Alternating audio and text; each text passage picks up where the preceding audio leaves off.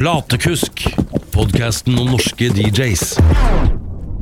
Der går tapen, og vi er i gang. Hjertelig velkommen skal du være til eh, platekusk Nina Lyons, eh, også kjent som DJ Pizzasløtt. Det er mer sånn DJ Pizzasløtt, også kjent som Nina Lyons i visse kretser.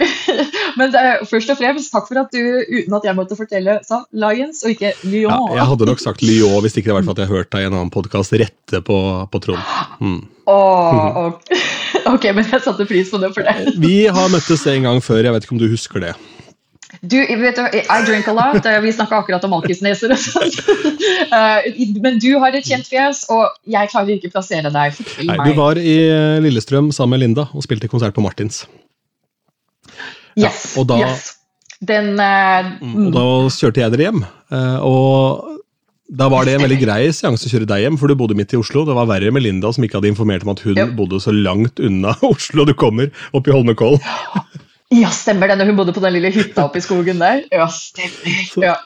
Linda er et naturbarn, men liksom ja, ja, ja, det er kult. Vi kommer tilbake til samarbeidet med Linda Vidala og sånn eh, etter hvert. For mm -hmm. Jeg har jo hørt eh, en eh, podkast eh, med deg som heter Megatron. Hvis du er kjempeinteressert i DJ-ing, så er ikke mm -hmm. det mhm. podden for deg. Men hvis du er interessert i Nina etter denne podden, så er det absolutt podden for deg. For der, altså, Maken til løk har vi vel ikke vært borti. Her er det lag på lag. oh yes, uh, she's got levels, og I'm not talking about the EQ. la, la, la oss begynne med det helt legendariske at du er født i Fargo. Ja, vet og det er så, det er så liksom, Det er veldig stas å kunne si at man er født i Fargo. Men jeg er kun født i Fargo fordi det var nærmeste sykehus. Jeg er egentlig fra Minnesota. men eh, pga. Eh, film og serie det er litt gøyere å si. Samtidig så føler jeg meg litt sånn Minnesota trader. Ja. jeg er jo fra Askim, men er født i Sarpsborg. Det blir liksom ikke like fet sving over det. ja, Men hva var nærmeste sykehus? Ja, var Sarpsborg, ja. Mm. ja. Ikke sant? Mm. Ja. Eh, men uh, Minnesota det er jo da en stat som er veldig kjent for å ha mye nordmenn eh, i, mm. altså innenfor landegrensene. Og du vokste opp der. Når flytta du da til Norge? moren min og faren min møttes. moren min var på, Jeg vet ikke om det var utveksling, men det var i hvert fall sånn, sånn foreign exchange-program på et lite college i Minnesota. Faren min var med lokalt. Uh, og de gifta seg et par måneder før jeg ble født. Så uh, når de gikk fra hverandre, så var jeg og søsteren min med mamma tilbake til hjembygda Hurdal. Da var jeg uh, nesten syv og skulle begynne i første klasse. Hmm. Ja. Og bare sånn for å toppe hele greia her, så er jo også da faren din en del av Hva er det korrekt å si nå? En del av urbefolkningen? Det, det som er det som er korrekt å si, som jeg blir eh, retta på av veldig mange folk som ikke deler eh, samme bakgrunn som meg, er eh, uramerikaner. Jeg tror det var i fjor eller i forrige fjor at nå har jo norske leksikon fjerna indianer og erstatta med uramerikaner. Jeg selv sier Altså, jeg har vokst opp med at vi sier American Indian eller Indian. Og jeg skjønner problematiske bakgrunnen at det kommer jo fra at Christopher Columbus trodde han var i India, og at vi var indere. Eh, men det, det, er ikke engang en sånn aktiv reclaiming, det er bare sånn vi har betegna oss.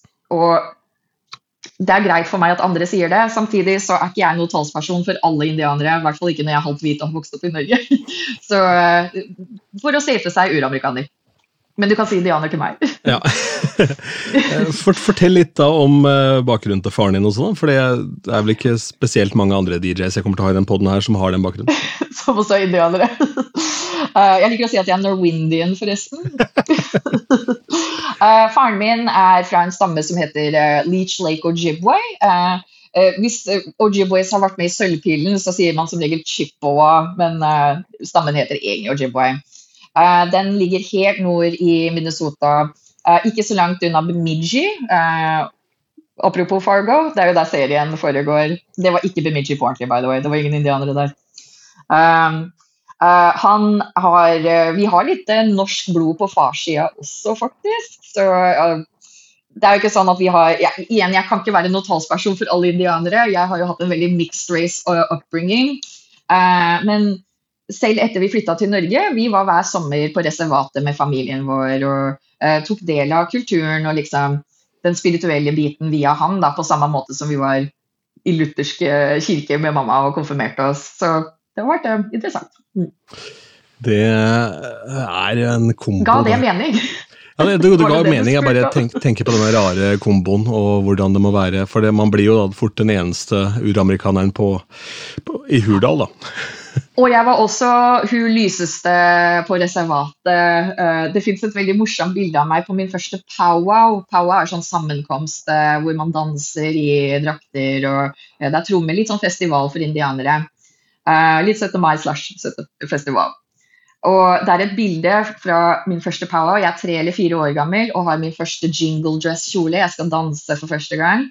Jeg var veldig blond da jeg var liten, så jeg har bitte små fletter i blondt hår. Og så er det et bilde hvor jeg står utafor en jentegjeng med mørkere indianerjenter som har lange fletter, og stirrer lengselsfullt på dem. og skjønte bare at noe var litt annerledes med meg. Uh, men det er en klassisk greie, det der med å være liksom biracial og litt delt identitet. Uh, jeg har nå kommet til et punkt hvor man trenger ikke velge hvilken bås man vil være i. Man kan være flere ting. Mm. Ja, eh, og det er jo ens fulle rett. I hvert fall i 2022 så må det være greit, tenker jeg. Jeg så Carpe Diem spille konsert uh, i huset sitt i Skien. Uh, I april var det. Og Chirag sa noe som traff veldig hos meg, hvor han sa Eh, vi driver nå og liksom forteller at eh, det er greit å være eh, med på fotballtrening, men også liksom være med og feire Diwali. Det er greit å digge Ace of Base og også en Bollywood-artist som jeg ikke husker nå. Og det traff seg, fordi det var litt sånn jeg hadde det òg. Jeg var ikke noe sånn Jeg ligna jo på de jeg gikk på skole med for det meste i Norge, men var, jeg følte ofte at jeg måtte velge på et punkt, og det er fint at vi ikke må. Ja, altså Det du sier nå, er at den guilty pleasuren til Chirag er Ace of Base? Jeg tror det. Han sa det selv. Han lever skamfritt. Kjenner du for øvrig historien til Ace of Base i USA? Nei, ikke i det hele tatt. Nei, Ace of Base var jo nummer én i England og nummer én i Frankrike nummer én i Tyskland. Og alt mulig rart, og så -hmm. hadde ikke Remixed Records hadde ikke sjans til å få platekontrakt i USA. Det var ingen som ville ta i det med ildtang. ikke sant? Ja. Eh, og så er Clive Davis, da, som drev Arista Records, han er på ferie i Frankrike med en av yachtene sine, og så hører han da selvfølgelig mm. uh, um, Sign på radio. Nei, All That She Wants, mest trolig. Ja. All that she wants, ja. ja. Mm. Hører han den, og så ringer han hjem, og så sier han uh, den personen som eventuelt har mottatt denne plata og ikke signa dette bandet, må jeg ta en prat med når jeg kommer hjem. For dette, mm. dette er en uh, number one record. Og det var det jo. For Ace of Base er faktisk det eneste skandinaviske bandet som har vært nummer én på albumlista i USA. Interessant! Mm. Selv over altså, Jeg tenker til og med a-ha og Take On Me. Og, ja, men Take On Me var på singellista. Det er albumlista. Selvfølgelig. Mm. selvfølgelig. Uh, det er interessant med det der. Jeg var veldig fascinert. altså uh, eh, 2019, min nummer éns uh, låt på Spotify var jo Lizzo med Truth Hurts. Og den hadde jeg hørt som alle andre via den Netflix-filmen som ingen husker nå, men alle fikk med seg den låta. Og egentlig så hadde hun sluppet den for flere år tilbake. Men via den altså den ble jo også en billboard selv om han var fem år gammel. Mm. Sammen med Wicked Game til Chris, Chris Isaac. Ja. Uh, David Lynch hadde jo med i Wild at Heart, og det var jo en radio-DJ et eller annet sted som hørte den og spilte den, og ble hit, det også. Du, Apropos radio-DJ, faren din lefla med, med det. Altså, dette er litt av en mann, altså, tenker jeg. og, og, det påvirka jo deg også sånn rent uh, interessemessig, for han lagde mixtapes til deg? hørte jeg på den til. Uh... Yes, er, Jeg er copy-paste faren min, sånn faren min var på 90-tallet. Nå er faren min blitt ganske konservativ, konvertert katolikk. Faren min holder mot han også. Men uh, ja, jeg er, alt jeg har av interesser, er veldig uh, pga. innflytelse fra faren min, men også onklene mine i USA. faren min var radio-DJ i Minneapolis. Tidlig 90-tallet, seint 80-tallet. Uh, spilte Kate Bush uh, 'Woman's Work' for mora mi da jeg ble født, som er det eneste hyggelige mine mamma deler om han. Og, uh, men det også, altså jeg vokste veldig opp og fant mye ny musikk på barnerommet mitt i Hurdal pga. faren min lagde mixtapes som han sendte, og skrev liksom omfattende brev om de og lagde rare covere i kassetteholderen. og ja. Altså, det her har jeg virkelig sånn savna med min egen familie, for verken moderen Mamma eier tre album. Det er da det beste fra Sissel Kyrkjebø. Det er moren min òg. ja, det beste fra DDE. ja. ja. Og så er det en sånn samleplate som har Terry Jacks med 'Seasons in the Sumpa', for det er hennes favorittlåt. Det er de tre platene mutter'n eier. Uh, Moren min hadde Ja, Nei, du først. ja nei, hun har en til, og det er den til Olsen Brothers, de som vant uh, Eurovision for Danmark. Fly Så- on the wings of love. Ja, ja, Det er de fire minuttene Ja. her, da. Mm. Moren min har en del salmer, kirkemusikk, og Sissel hun også. Uh, signert Sissel Kyrkjebø-CD, som står på utstilling. Og da vi flytta til Norge fra USA, altså faren min hadde vegg med CD-er. Og vi hadde Fame-soundtracket på kassett og Best of Billy Joel. det var det. Det er deilig. Min, Ja. min fars favorittband er Dr. Hook, og så um, Nice. liker han eh, balladene til Céline Dion, og så kommer han en gang som hvert tredje år så kommer han da innom og har en ny låt som han syns er kul. Nå om dagen så er det The Weekend med eh, Take My Breath, og det er ikke gærent, faktisk. Okay. Mm -hmm. uh, men for noen år tilbake så hadde han hørt en ny låt. da, Han har sett videoen også på VH1 av en sånn veldig pen, mørk dame, som han sa. Gikk hele tiden opp på P4. Dette her var i Ja. 2006, kanskje. Og det var Tony okay. Braxton med 'Unbreak My Heart'. Og det også er en respektabel låt. Jo, men den kom i 1997. Å ja, så dette var noe nylig som hadde gått der. 2004. Kanskje vi får en sånn revival-hit med den låta igjen, da, hvis riktig person hører. Ja, Det kan faktisk eh, fort hende. Men eh, det er jo da null musikkinteresse, verken hos mutter eller fatter. Ingen av de har vært på noe Altså Mamma har vært på konsert hvis jeg har arrangert konserten, eh, rett og slett. Eh, Fatter aldri. Fatter aldri vært på konsert, og så tenker jeg sånn, hvordan falt jeg i gryta da jeg var liten, men det er jo veldig kult det der på en måte båndet der, da, og det var jo ikke sånn at alt som var på disse mixtapene var gammel dritt heller, det var jo hiphop-ting og sånn der. Mm. Uh, faren min, altså jeg hadde liksom egentlig et veldig tidlig liksom ikke, kan, Jeg har lyst til å si innsyn i liksom eh, politikken og liksom race issues eh, på hiphop. fordi når jeg fikk min første hiphop-tape av faren min, da var jeg kanskje ti. eh, og da hadde han liksom et brev som han ville at jeg skulle lese før jeg hørte. Og da sto det annet liksom Don't let your mom hear, hear what you're listening to. Liksom de stygge ordene. Og eh, han forklarte liksom «Åh, Og det er mye sinne. Det var liksom en veldig sånn akademisk forklaring fra en lyshuda indianerdude om uh, black power og eh, sinne og eh, hvorfor de bruker stygge ord og ja. Og ja, jeg setter egentlig pris på å få liksom det lille innsynet, og det ble veldig spennende å høre på den plata når det liksom Det kom en warning først. Det var sånn eh, disclaimer på forsida sendt av far, rett og slett. Men, eh, ja. Da er du ti år. Jeg kan tenke meg at det var ikke veldig mye tiåringer eh, i Hurdal som hørte på hiphop, eller? Nei, det var jo Hva var det som gikk da? Jeg var ti i 1999, og altså, jeg hørte jo på mye annet òg. Og faktisk, den hiphopen på den kassetten er ikke den hiphopen jeg liker best i dag. Det var liksom uh, Snoop Dogg liker jeg fortsatt, men jeg er ikke noe Blue-fan som mange er. Uh, Tribe Called Quest liker jeg også, men heller ikke det jeg hører på mest. Men den, det var, den låta som var minst hiphop på den uh, kassetten, er den låta jeg fortsatt hører på i dag, 20 år seinere. Litt mer enn 20 år. Eh, og det er um, Tricky sitt cover av uh, Black Steel. Det var jo Tricky sitt cover av eh, Public Enemies Black Steel, hvor det er en dame som liksom synger rappteksten. Mm. pretty cool. Mm. Jeg gjorde et sånn 90-tallsparty hjemme i Askim, hvor jeg kommer fra, da, her nå for ikke så lenge siden, og da kom det opp en fyr og lurte på om han kunne spille noe old school hiphop, noe Snoop eller et eller annet. da. Og det får jeg høre hele tida. Og så ser jeg på han fyren, og så tenker jeg peker jeg på høyttaleren, for den låta som spilles mens dette mennesket ønsker seg old school hiphop, det er altså Tribe Called Quest med Can I Kick It? Ja, mm, så stort sett Mer old school blir du nesten ikke. I hvert fall ikke hvis vi ikke skal gå tidligere enn 90-tallet. Han skulle bare høre Grandmaster Flash, og eh, det var det. Nei, det var jo det var noe snup han ville ha, da, så var det klart, men jeg tenkte skal jeg bruke tid på å krangle med han og drive med voksenopplæring her, eller Nei, jeg orker ikke. Ja. Uh, Nei, men, ser den, ser den. men så drar du tilbake igjen til USA på et tidspunkt, til uh, Syracuse. I Syracuse. Uh, det, faren min uh, underviser på universitetet. Han er nå på University of Michigan i Ann Arbor, men han har vært mange steder og jobba. Og etter, rett etter jeg var ferdig i 9. klasse i Hurdal, uh, på ungdomsskolen der, så flyttet jeg og bodde hos faren min i high school i tre år. Før jeg flytta tilbake i 2007. Mm. Mm. Ja. Syracuse først, som er upstate New York, og så Rochester et år. Forstadene til Rochester. Ja. Der hvor eh, David Bowie ble arrestert. Ja, ja, nettopp, ja. Eh, og i og denne Joe Biden gikk oh, Sorry. Ja, og i denne podkasten, som eh, Megatron heter den podden, så så Mhm. Kommer han med en av de hardeste setningene jeg noen gang har hørt i en podd i hele mitt liv. For du forteller, du forteller da om denne perioden hvor du bodde i Upstate New York, og så oh, sier han, si. så sier han at yeah. der har han vært, eh, hvorpå du Ja. spør hva han gjorde der, og så sier da denne Trond at han kikka inn i lik. Yes! Han var på sånn kadaverkurs. det er det han sier da. og til. Han bare, det er så gøy. Og Trond også er jo altså, den snilleste bergensermannen du noensinne har eh, sett, og i hvert fall hørt. Han snakker sånn her. Og så sier han bare ja, jeg var på et kadaverkurs. Og så bare ja, er levels til Trond også.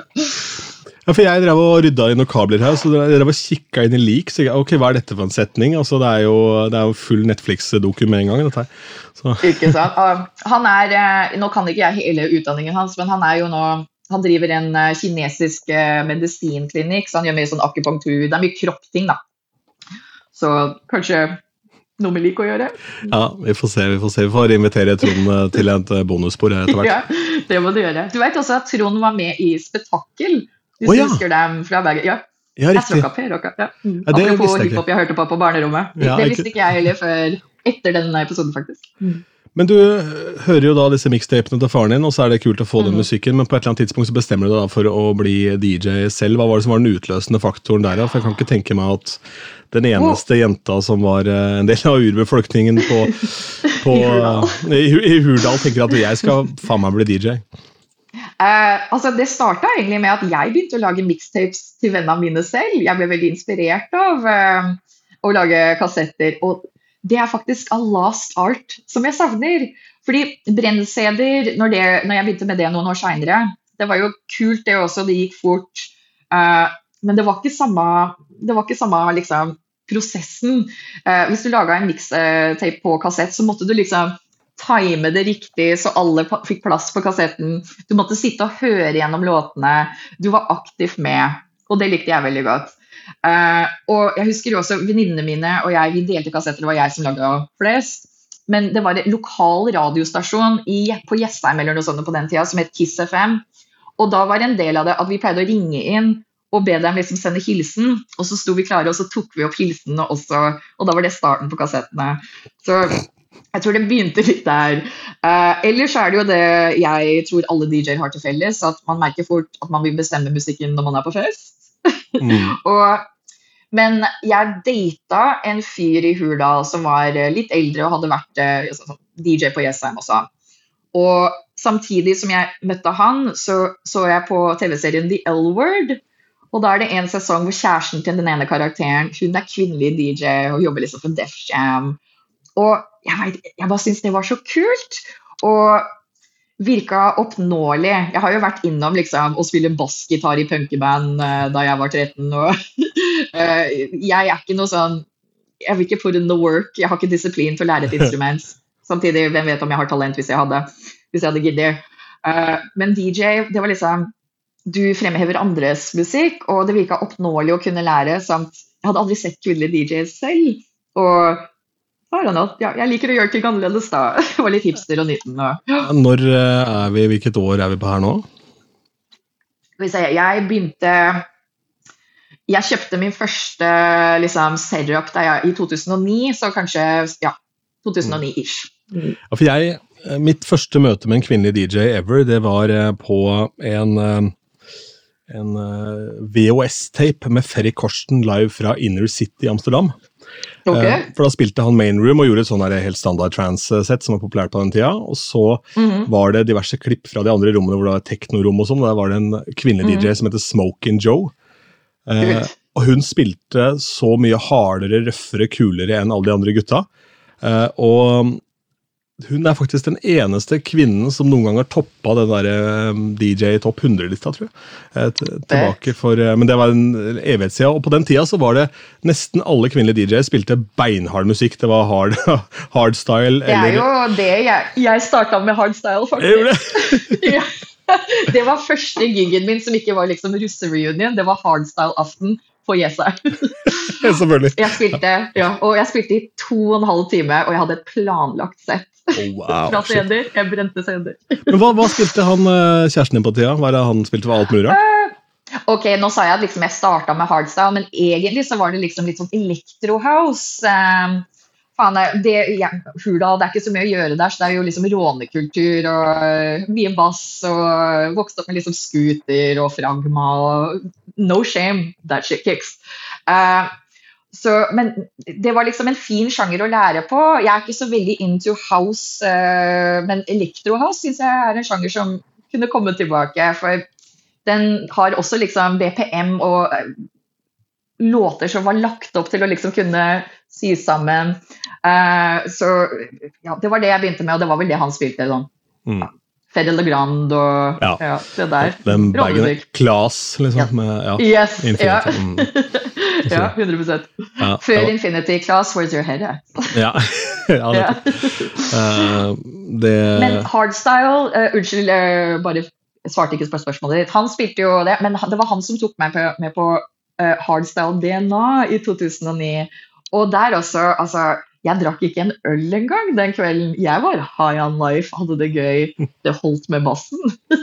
og det var kjempegøy. Og der også er det jo på en måte det er så simple beat at du, liksom, det er en fin sjanger å øve seg på, samtidig som den kicka meg den kicka litt hardere. da. Mm. Mm. Får energien med en gang, selvfølgelig. Jeg liker egentlig, altså jeg er som de andre damene du nevnte, jeg liker også hardere sjangere. sånn egentlig. Men uh, det er vel faktisk sånn at noen av de mest populære norske DJ-ene i verden er vel, uh, Hvis du ser bort fra Kygo og sånn, så er jo det disse mm. da Tweakas-gutta. De spiller ved hardstyle ennå, tror jeg. De spilte seg etter meg på den kvelden. Hey! The Tweakas og Hardy Boy. Mm. Oh, det er nydelig. Oh, yes. mm. Jeg har uh, møtt de en gang, jeg også. Det var i Askimhallen på 16. mai. De hadde sånn Natteravn arrangerte 16. mai-arrangement, og der var det noe eh, variert underholdning, må være lov å si. For det ene året så var det jeg som DJ og Venga Boys. Um, nice. Året etter så var det meg som DJ og Askild Holm. Ok. Ja, ikke spør. Uh, og året etter det igjen så var det da, da, da Tweakas, da, og det traff absolutt best, selvfølgelig. Så... Hvilket år var det som cirka var det mens de fortsatt For jeg føler at liksom Hardstyle har dabba veldig ut, i hvert fall i Norge da. Ja, jeg tenker også det, men de fant jo sitt publikum i utlandet. Men det her var vel omtrent ja. på samme tida, tenker jeg. Ikke sant? Ikke sant. Mm. Ja, for 2009-2010, og da følte jeg allerede at det, det hadde dabba litt. Liksom De hardstyle-pakkene jeg fant på nettet, var jo liksom fra sånn 2006. Så ja, kom til Norge litt seint, kanskje. Mm. Ja, det var jo men, en annen tid. Det skal være sagt. Det var det. Og uh, kortlev sjanger Samme som liksom når jeg begynte å spille trap, liksom EDM-trap, så var det sånn gøy sjanger, men liksom kort levetid. People moved on. Mm. Det er, eh, jeg har vært innom her før i den poden og snakka om at uh, hvis du får et brudepar som hadde sin glanstid på byen, da trap var liksom mm. det hotteste i verden, så blir det en jævlig ja. rar kveld. Da blir det alltid veldig merkelig. Så... Det hadde vært meg og eksen min Christian Theisnes hvis vi hadde gifta oss. ja, ikke sant. Men, uh, vi insisterte at Oslo skulle like trap. Ja, men du endte jo på et tidspunkt her ganske hardt inn i hiphop-verden, og ganske kredibelt også, for du har jo oh. vært turné-DJ for Linda Vidala og vært uh, ute med Nå husker jeg ikke hva han samiske rapperen heter i farta. Slim Craze. Ja, Slim Craze, ja, stemmer. Vel... Jeg har også vært uh, DJ for liksom uh, mye av undergrunn-hiphop på den tida da, og er nesten liksom like stolt av det. Og uh, faktisk mange artister som ble ganske store. Jeg har vært DJ for Ferrari, eller Stig Brenner som han heter nå. Og det var i en kjeller på Hamar hvor det var 30 stykker som så på. Og Linni er fra Yo-guttene. og det, jeg liker liksom Det er kult å liksom ha vært en del av reisen og vært innom liksom, og se hvor langt de har kommet. Mens jeg fortsatt er her, da. Men jeg er glad på dems vegne. Men jeg syns det er interessant å spørre litt om hvordan du helt tatt ble akseptert i det miljøet. fordi idet du står og på en måte spiller hardstyle på Jessheim, så blir du jo stempla som hun der hardstyle-Bertha på Jessheim. ja. Eh, eh, og så, eh, ja, så klarer du da å på en måte flippe det til å bli en mer kredibel hiphop-bakke, da det var jo ingen som hadde sett, visste hvem jeg var. Jeg var ikke engang hun dama fra Jessheim eh, da jeg begynte å spille i Oslo. Eh, første spillejobben min var eh, faktisk Det var på So, den gamle lesbeklubben som ikke finnes nå lenger. Jeg husker at de liksom la ut på Facebook at de, de så etter De ville showcase liksom nye talenter, og det var jo selvfølgelig ikke betalt, da, men du fikk tre øl, og, og det var på onsdag om sommeren. det var ingen der. Det var faktisk første gigen. og det var en gjeng innom, ikke lesber, helt tilfeldig liksom turistfolk, og de digga, og jeg fikk veldig mersmak av det. da spilte jeg liksom litt mer blanda. Eh, ikke liksom sånn, sånn planlagte sett uh, med beatmatching, sånn som jeg gjorde med hardstyle. Da merka jeg litt at ok, det er ingen DJ som står og liksom venter på at du skal gjøre feil, du kan bare mikse litt og crowd-please. Og det var på en måte starten av liksom, den DJ-en jeg er nå, er at uh, jeg fokuserte mer på liksom, publikum og stemning, ikke så mye på den tekniske biten. Men hiphop kom Uh, da jeg møtte Christian. Uh, han var jo, eller er fortsatt uh, programleder i et radioprogram som heter Exo Hiphop, som er norsk undergrunnsrap og liksom ny rap fra hele verden. Og det var jo via han at jeg ikke bare begynte å finne jobber, men også møtte mye folk. Blant annet, jeg visste hvem Linda var, men møtte henne via Christian. Var med i Pug Life Management en stund, og de også møtte jeg via Christian. Så ja. Jeg liker ikke å si at liksom hele DJ-karrieren min er pga. to menn jeg har data, men uh, de hjalp meg på vei. De må få cred. Ja, fader heller, men uh, hvis man da ikke er en komplett bitch tilbake, så er det klart at da hjelper man jo hverandre. Og så har du jo også på et tidspunkt da måttet vise hva du er god for, da, fordi det du står på scenen der. Og, oh, ja. Mm -hmm. du, du, har gjort support 100%. for Taiga og sånn, liksom. Det er ganske fett, da. Mm. Ja, ja. Jeg har vært med på mye. Jeg har også spilt på uh, en viss bikerklubb sin 25-årsjubileum. Mm. De ville nok helst være anonyme. Jeg har vært uh, i stua til Harald Rønneberg på sånn prank surprise party uh, når, de, når Onkel P og de fjerne slektningene skulle liksom overraske han med at de hadde fest. Uh, hva jeg ikke gjør for ei krone, basically. det var lenge, liksom Altså, det er fortsatt lite grann, men nå handler det kanskje mer om pengene enn det det gjorde. Men jeg var veldig opptatt av å bare få så mange erfaringer under beltet som mulig i mange år. Og det har faktisk hjulpet. Nå er jeg ganske klar for alt når det gjelder spilling. Mm. Det er ikke alltid jeg har lyst til å gjøre igjen, men har gjort det i hvert fall. jo, men altså Alle gigs gir deg jo en eller annen form for erfaring som enten kan putte på kontoen for det der var noe helvetes jævla dritt, eller eh, og det skal jeg aldri gjøre igjen, og da har du lært det. Eventuelt, yes. eventuelt så er det jo sånn at man da tenker hm, der hadde jeg kanskje ikke nok erfaring, så der må jeg der, der, var det min skyld at det ikke ble like bra som det kunne vært. ikke sant? Sånn, sånn type greier. Og, og, det har jeg følt liksom, Nå bryr jeg meg litt mindre nå som jeg er uh, litt eldre, men liksom, det var jo lenge jeg følte jeg måtte bevise meg. liksom, Jeg måtte bevise at jeg ikke var liksom bare cute jente som trykka play fra Spotify. Jeg måtte bevise at uh, jeg kunne litt om hiphop når jeg liksom sa at jeg var hiphop-DJ. Jeg måtte bevise Eh, det var liksom så mye sånn, sånn I gotta prove it. Og så var jeg egentlig ikke så teknisk flink heller. Det er ikke sånn at folk bare Wow, vi tar det tilbake fordi jeg står og scratcher og er amazing. Men da er det på en måte erfaringene som jeg kunne legge meg på. Ikke sant? Så. Og det er jo egentlig viktig lærdom, for jeg tror veldig mange tenker at ja, shit, nei, det er ikke bra nok betalt for den gigen, eller eh, kanskje bare ser akkurat det som er foran de der og da, men så veit du aldri hvem som er det det managementet, da, eller hvem som står bak den artisten, eller hvem du vikarierer for, eller whatever. ikke sant? 100% Samtidig også så føler jeg at det er noe visse aktører kan benytte seg litt av, særlig med nye DJs. Eh, jeg strevde veldig med, når jeg fikk jobber uh, eh, 2015-ish, når folk spurte liksom Ja, OK, uh, hva tar du for en jobb? Og da var jeg redd for å liksom si for høy pris, i tilfelle de ikke ville ha meg lenger. Og så var jeg redd for å liksom undersell myself. Og DJ Konkret, som er min favoritt-hiphop-DJ, uh, han sa en gang liksom at uh, good uh, DJs aren't cheap, cheap DJs aren't good. Og så for ikke å nevne, du drar ned prisen til hele bransjen. Hvis du liksom tar 1500 for en jobb du kunne fått 5000 for, da sier de neste gang til DJ-ene å ja, men hun tok 1500, så vi betaler ikke mer enn det. Erfaringene er kjempeviktige, men også liksom know your words samtidig. ja. Det er jo hele bakgrunnen for denne podkasten, og så handler det jo egentlig litt om at vi skal prøve å kanskje lære hverandre litt tips og triks. da, At vi ikke nødvendigvis sitter på hver vår eh, store kjepphest, og kanskje heller løfter bransjen totalt sett. og for... Mm, enig. Mm. I hvert fall på den der corporate event og bryllupsbiten, og sånn, så er det fremdeles mange som bare ser for seg han der fyren borti hjørnet med sånn Hawaii-skjorte og hatten på snei. liksom. Ja. Det er ganske hard work å få det til å fly i 2022. 100% Jeg var faktisk på et event nå nylig, og jeg prøver liksom Det er mange som er liksom Noen ganger Jeg veit de mener godt, men det er litt humiliating og jeg blir litt sur. Eh, det er jo Hvis jeg spiller på et lite utested hvor kanskje lydanlegget er ikke det feteste, utstyret de har er ikke det feteste. Og igjen, jeg er ikke den teknisk flinkeste at all. Utviklingen min stoppa basically i 2010. Musikk.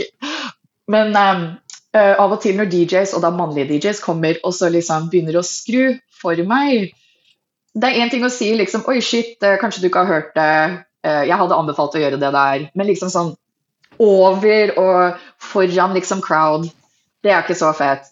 Så jeg prøver å være litt forsiktig med å ikke liksom stå og dømme DJs på avstand når jeg er ute. Men for et par uker siden så var jeg på et event da det sto en fyr i hjørnet, og han hadde ikke AirPods, men liksom så, sånn med tråd. sånn, sånn, headset med AUX-inngang. Ja, og da, da hata jeg litt. jeg kunne fått den jobben. ja, ja, ikke sant. Uh, det jeg husker ikke helt når jeg klarte å legge fra meg det. At jeg sto bare og hørte på overgangene. Det var vel kanskje da jeg skjønte at ikke det å nødvendigvis mikse to låter i hverandre i, i dagens samfunn er det vanskeligste i verden, for nå gjør jo egentlig dataene det for deg. Så.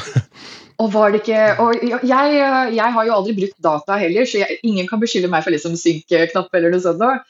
Men er det ikke befriende den dagen du slutter å bry deg om overgangene til andre DJs? Mm. For da bryr du deg ikke like mye om hva de syns om dine. Sånn var det ja, for meg i hvert fall. Ja, helt klart, helt klart. Det er samme som hvis du jobber i radio den dagen du klarer å bli komfortabel med det du hører, altså din egen stemme, da. Når du får den i hodet i headsetet. Oh, yes. du har for øvrig en veldig bra radiostemme, det har jeg hørt på disse andre podene.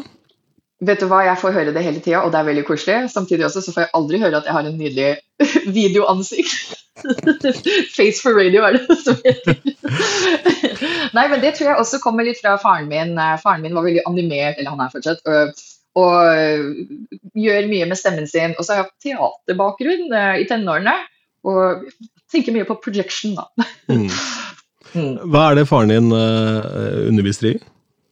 Uh, creative writing og Native American Studies. Hm, spennende. Mm. Kult. Ja. Er, eh, ja, som sagt, her er det en uh, pakke. Hva, hva gjør moren din, da? Moren min, å, Godt spørsmål. Uh, jeg har aldri helt skjønt hva hun er. Det er noe med rådgivning, men hun har jobba fra liksom Innovasjon Norge til UD til Misjon Norge. Mm. Så I don't know.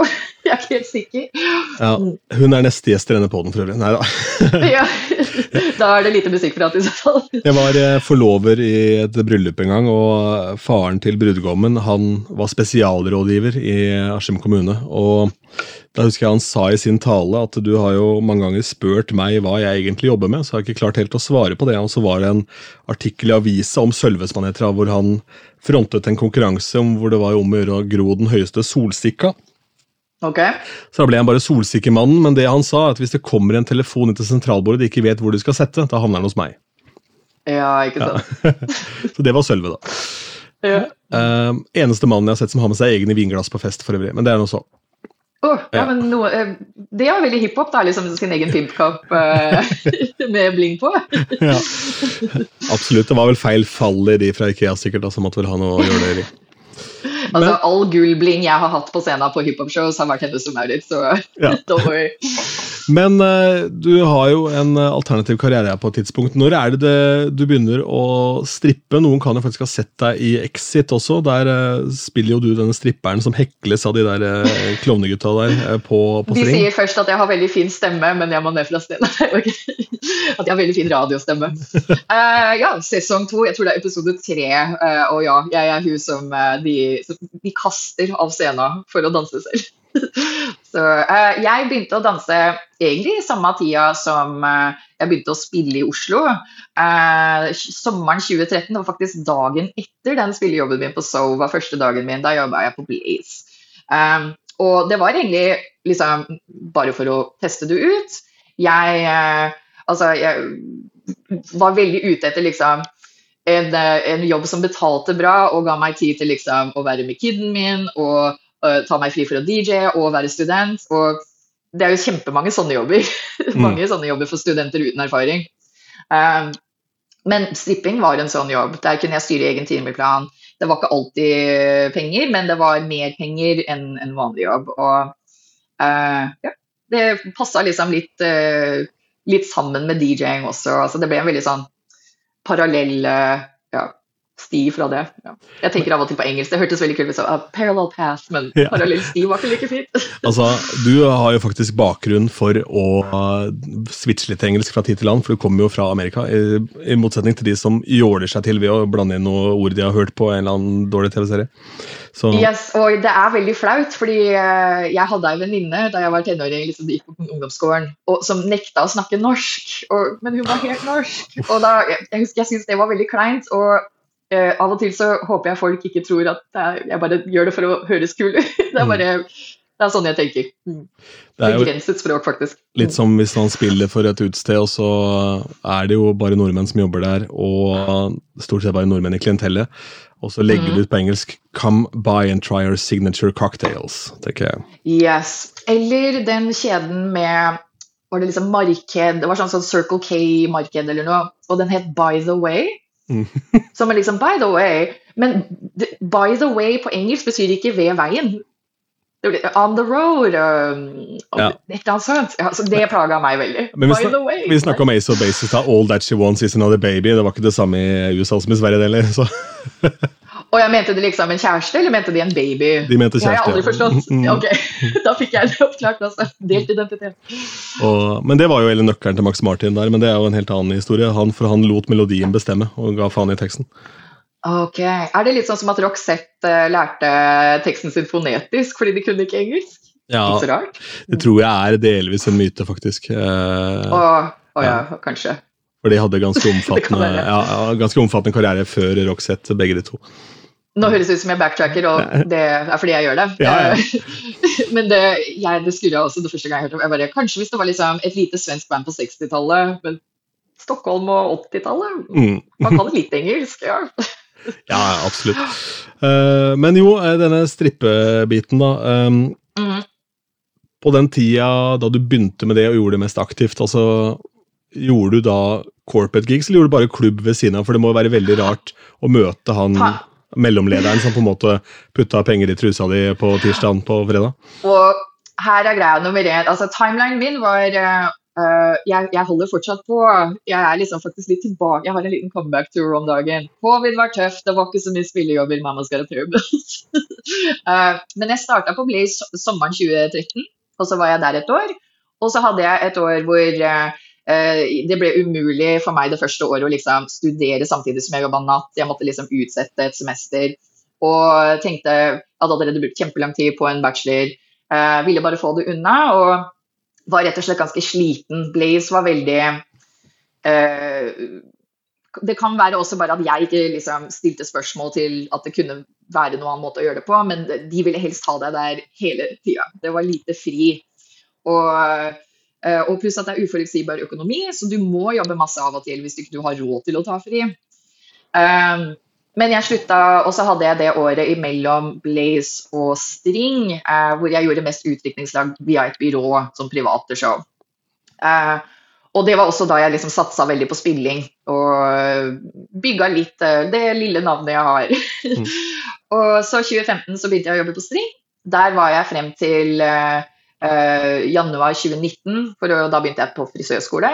Men årene som fulgte, et par vakter her og der hvis eh, de trengte ekstra jenter, eller hvis jeg trengte ekstra penger.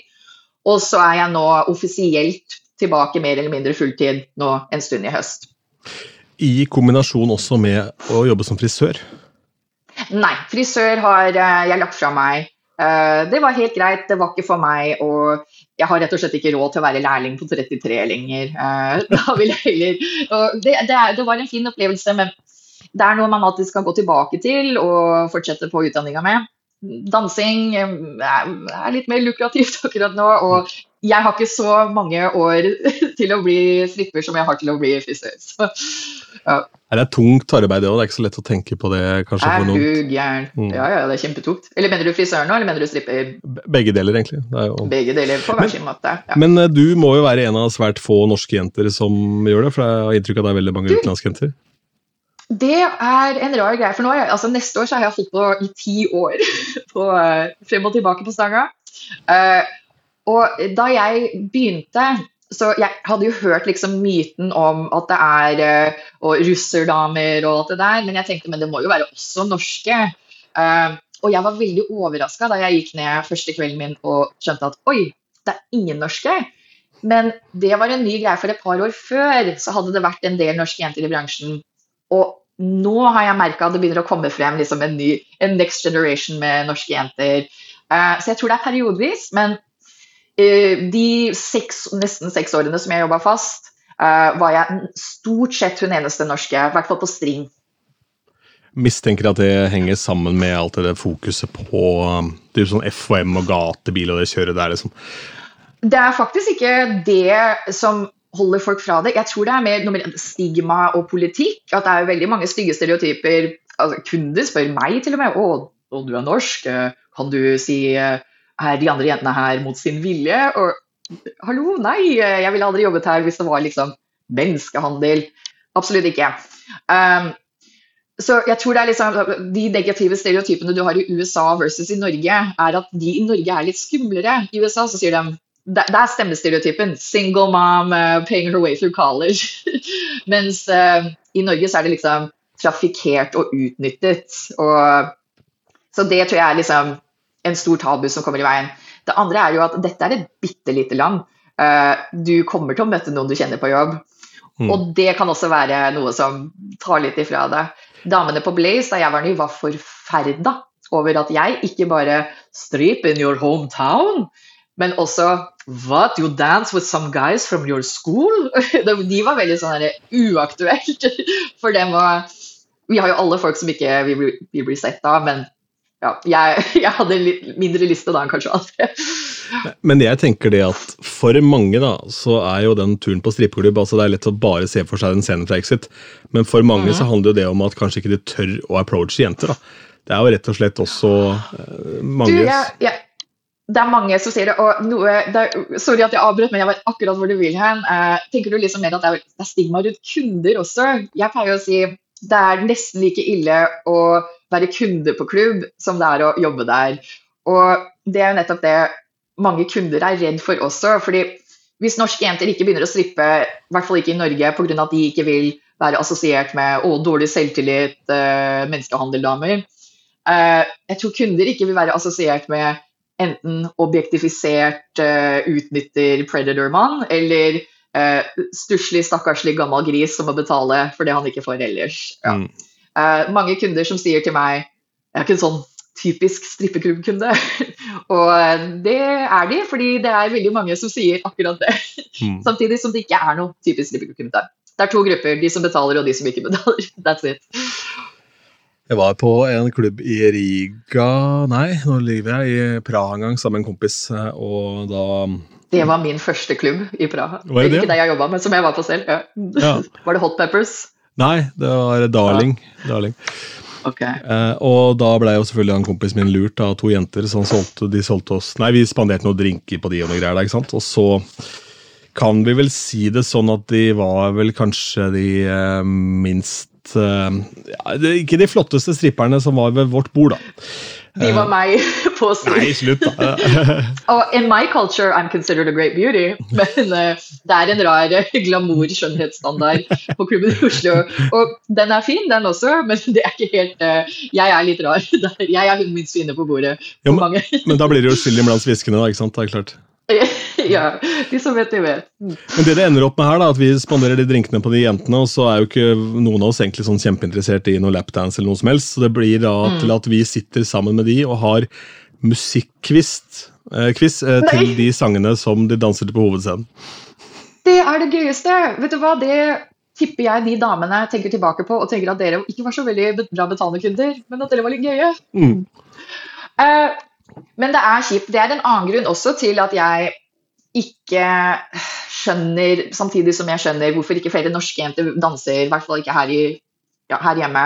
Fordi jeg hadde vært redd for å jobbe utenlands. Jeg kunne ikke tenke meg å jobbe uh, ikke, Jeg kunne kanskje jobba i Trondheim eller Bergen, eller noe sånt, men jeg syns det var veldig trygt å være på hjemmebane. Samtidig også, jeg hadde ikke vært komfortabel med å lure. Uh, jeg overtaler folk til å kjøpe drinker til meg, men jeg sier akkurat hva de skal få, akkurat hva det koster, og det er det det blir.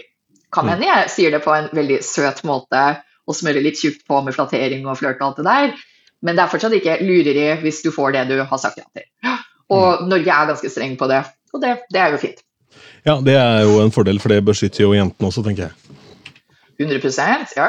Og eh, det er ganske strenge regler rundt liksom, å love kunder ting som du ikke holder. Vi, det står i kontraktene våre at uh, vi har ikke lov å si f.eks. å jeg kjøper en dans, og så blir jeg med på hotellet etterpå hva du gjør for å liksom holde et lite håp oppe, er opp til deg, så lenge du ikke går over en grense. Det er i hvert fall min erfaring av det. Mm. Og på en firmatur i Sør-Afrika hvor en av kollegaene mine forelska seg i stripperen eh, på den klubben. Eh, ja, big mistake. Ja, og I Sør-Afrika så er det, har dørvakta maskingevær, da, på en måte. så det er sånn... Oh, shit, ja. ja. Og det er sånn der airport security på veien, så tenker jeg det er greit at du har store muskler og sånn, altså, ja, du skal ikke si hva han heter, men uh, det der blir ugreit uansett, da. Men uh, de skjønte heldigvis at hun jenta bare kødda med. Så, ja. Vet du hva, uh, jeg skjønner at det virker liksom fryktinngytende, men det syns jeg egentlig høres ut som et godt tegn fra dameperspektiv. Uh, Sør-Afrika igjen, nå har jeg aldri vært i Sør-Afrika. Men jeg tenker også det har vært mye civil unrest opp igjennom det fins jo liksom kriminalitet og mye våpen rundt omkring, slik jeg har forstått det. Unnskyld Sør-Afrika hvis dette ikke stemmer. Ja, Det stemmer i eh, aller høyeste grad. Vi fikk beskjed av konserniersen okay, på hotellet sa dere må for guds skyld ha, uh, ha, på dere jeg tror det var 300 rand vi måtte ha på oss. Hvis vi hadde under det, det tilsvarer ca. Ja. 600 kroner, under det så ja. la de oss igjen da hvis vi ble rana, så la de oss igjen uten noen ting annet enn trusa vår på, på, på um, fortauet. Og hvis vi hadde mer ja. enn 600, så dro de oss til minibanken. Å, oh, shit. Uh, jeg var jo på strippeklubb Magic City, på Magic City i Atlanta. Yes, det, er, uh, det, er, også en erfaring som bidrar til strippe, eller unnskyld, DJ-kreden min, uh, der jeg faller fra teknisk. jeg er mer gangsta, da. Yeah. men da var det også Jeg hadde gleda meg sånn, fordi det var veldig interessant å være der både som stripper for det er veldig annerledes. Altså, en svart strippeklubb i sørstaten i USA er ganske annerledes enn our fucking white ass Balkan-gjeng her i Oslo. og, eh, men også som DJ, fordi liksom all, alt det jeg elsker å spille det, Min yndlingshiphop er jo Atlanta-shit. Jeg liker uh, trap-musikk og uh, altså, Juicy J og Gucci og alt det der. Så uh, vi var jo der også på en mandag. Det er jo Magic Mondays, og da skal egentlig DJ Esco være der. Han er jo DJ til Future. Han var ikke der den kvelden. Uh, men vi, altså, de hadde buffé og fikk en dans. det var veldig gøy. Men de hadde også altså, dørvakter, de mest massive mennene du noensinne har sett. Bevæpnet. Full uh, sånn uh, Du sa Airport Security, metalldetektor? Ja. Mm. ja. Men jeg, altså, de damene så ut som det, er, ganske, det er et utsatt yrke å være i. Du er naken alene med folk, du veit jo ikke hva de kan finne på å gjøre.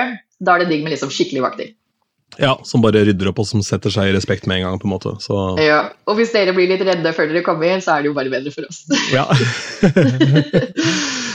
Apropos DJ-ing på strippeklubb. Mm. Er det det i Oslo? Eh, på Blaze så er det Martin.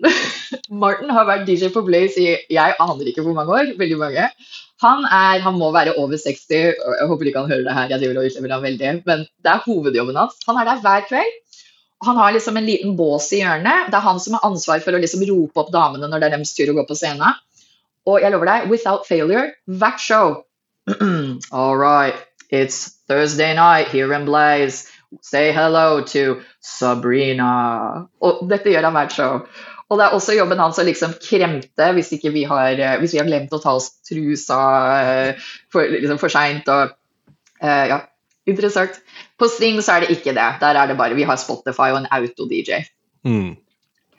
Mens i USA så er jo det faktisk et ganske interessant yrke, en ganske interessant mm. del av det. For det er jo jævlig krevende i, i statene, i hvert fall på, på de mer high class-klubbene, så krever det ganske mye av DJ-en å, å, spille på strippeklubb. 100 100% Jeg liker jo altså begge klubber, jeg har jo bare jobba i Oslo på to klubber, uh, men jeg likte faktisk litt at jeg fikk lov å velge musikk selv. Uh, på Blaze så hadde vi liksom brenn-CD-er som, uh, som, vi hang på en liten krok bak uh, bossen til Martin.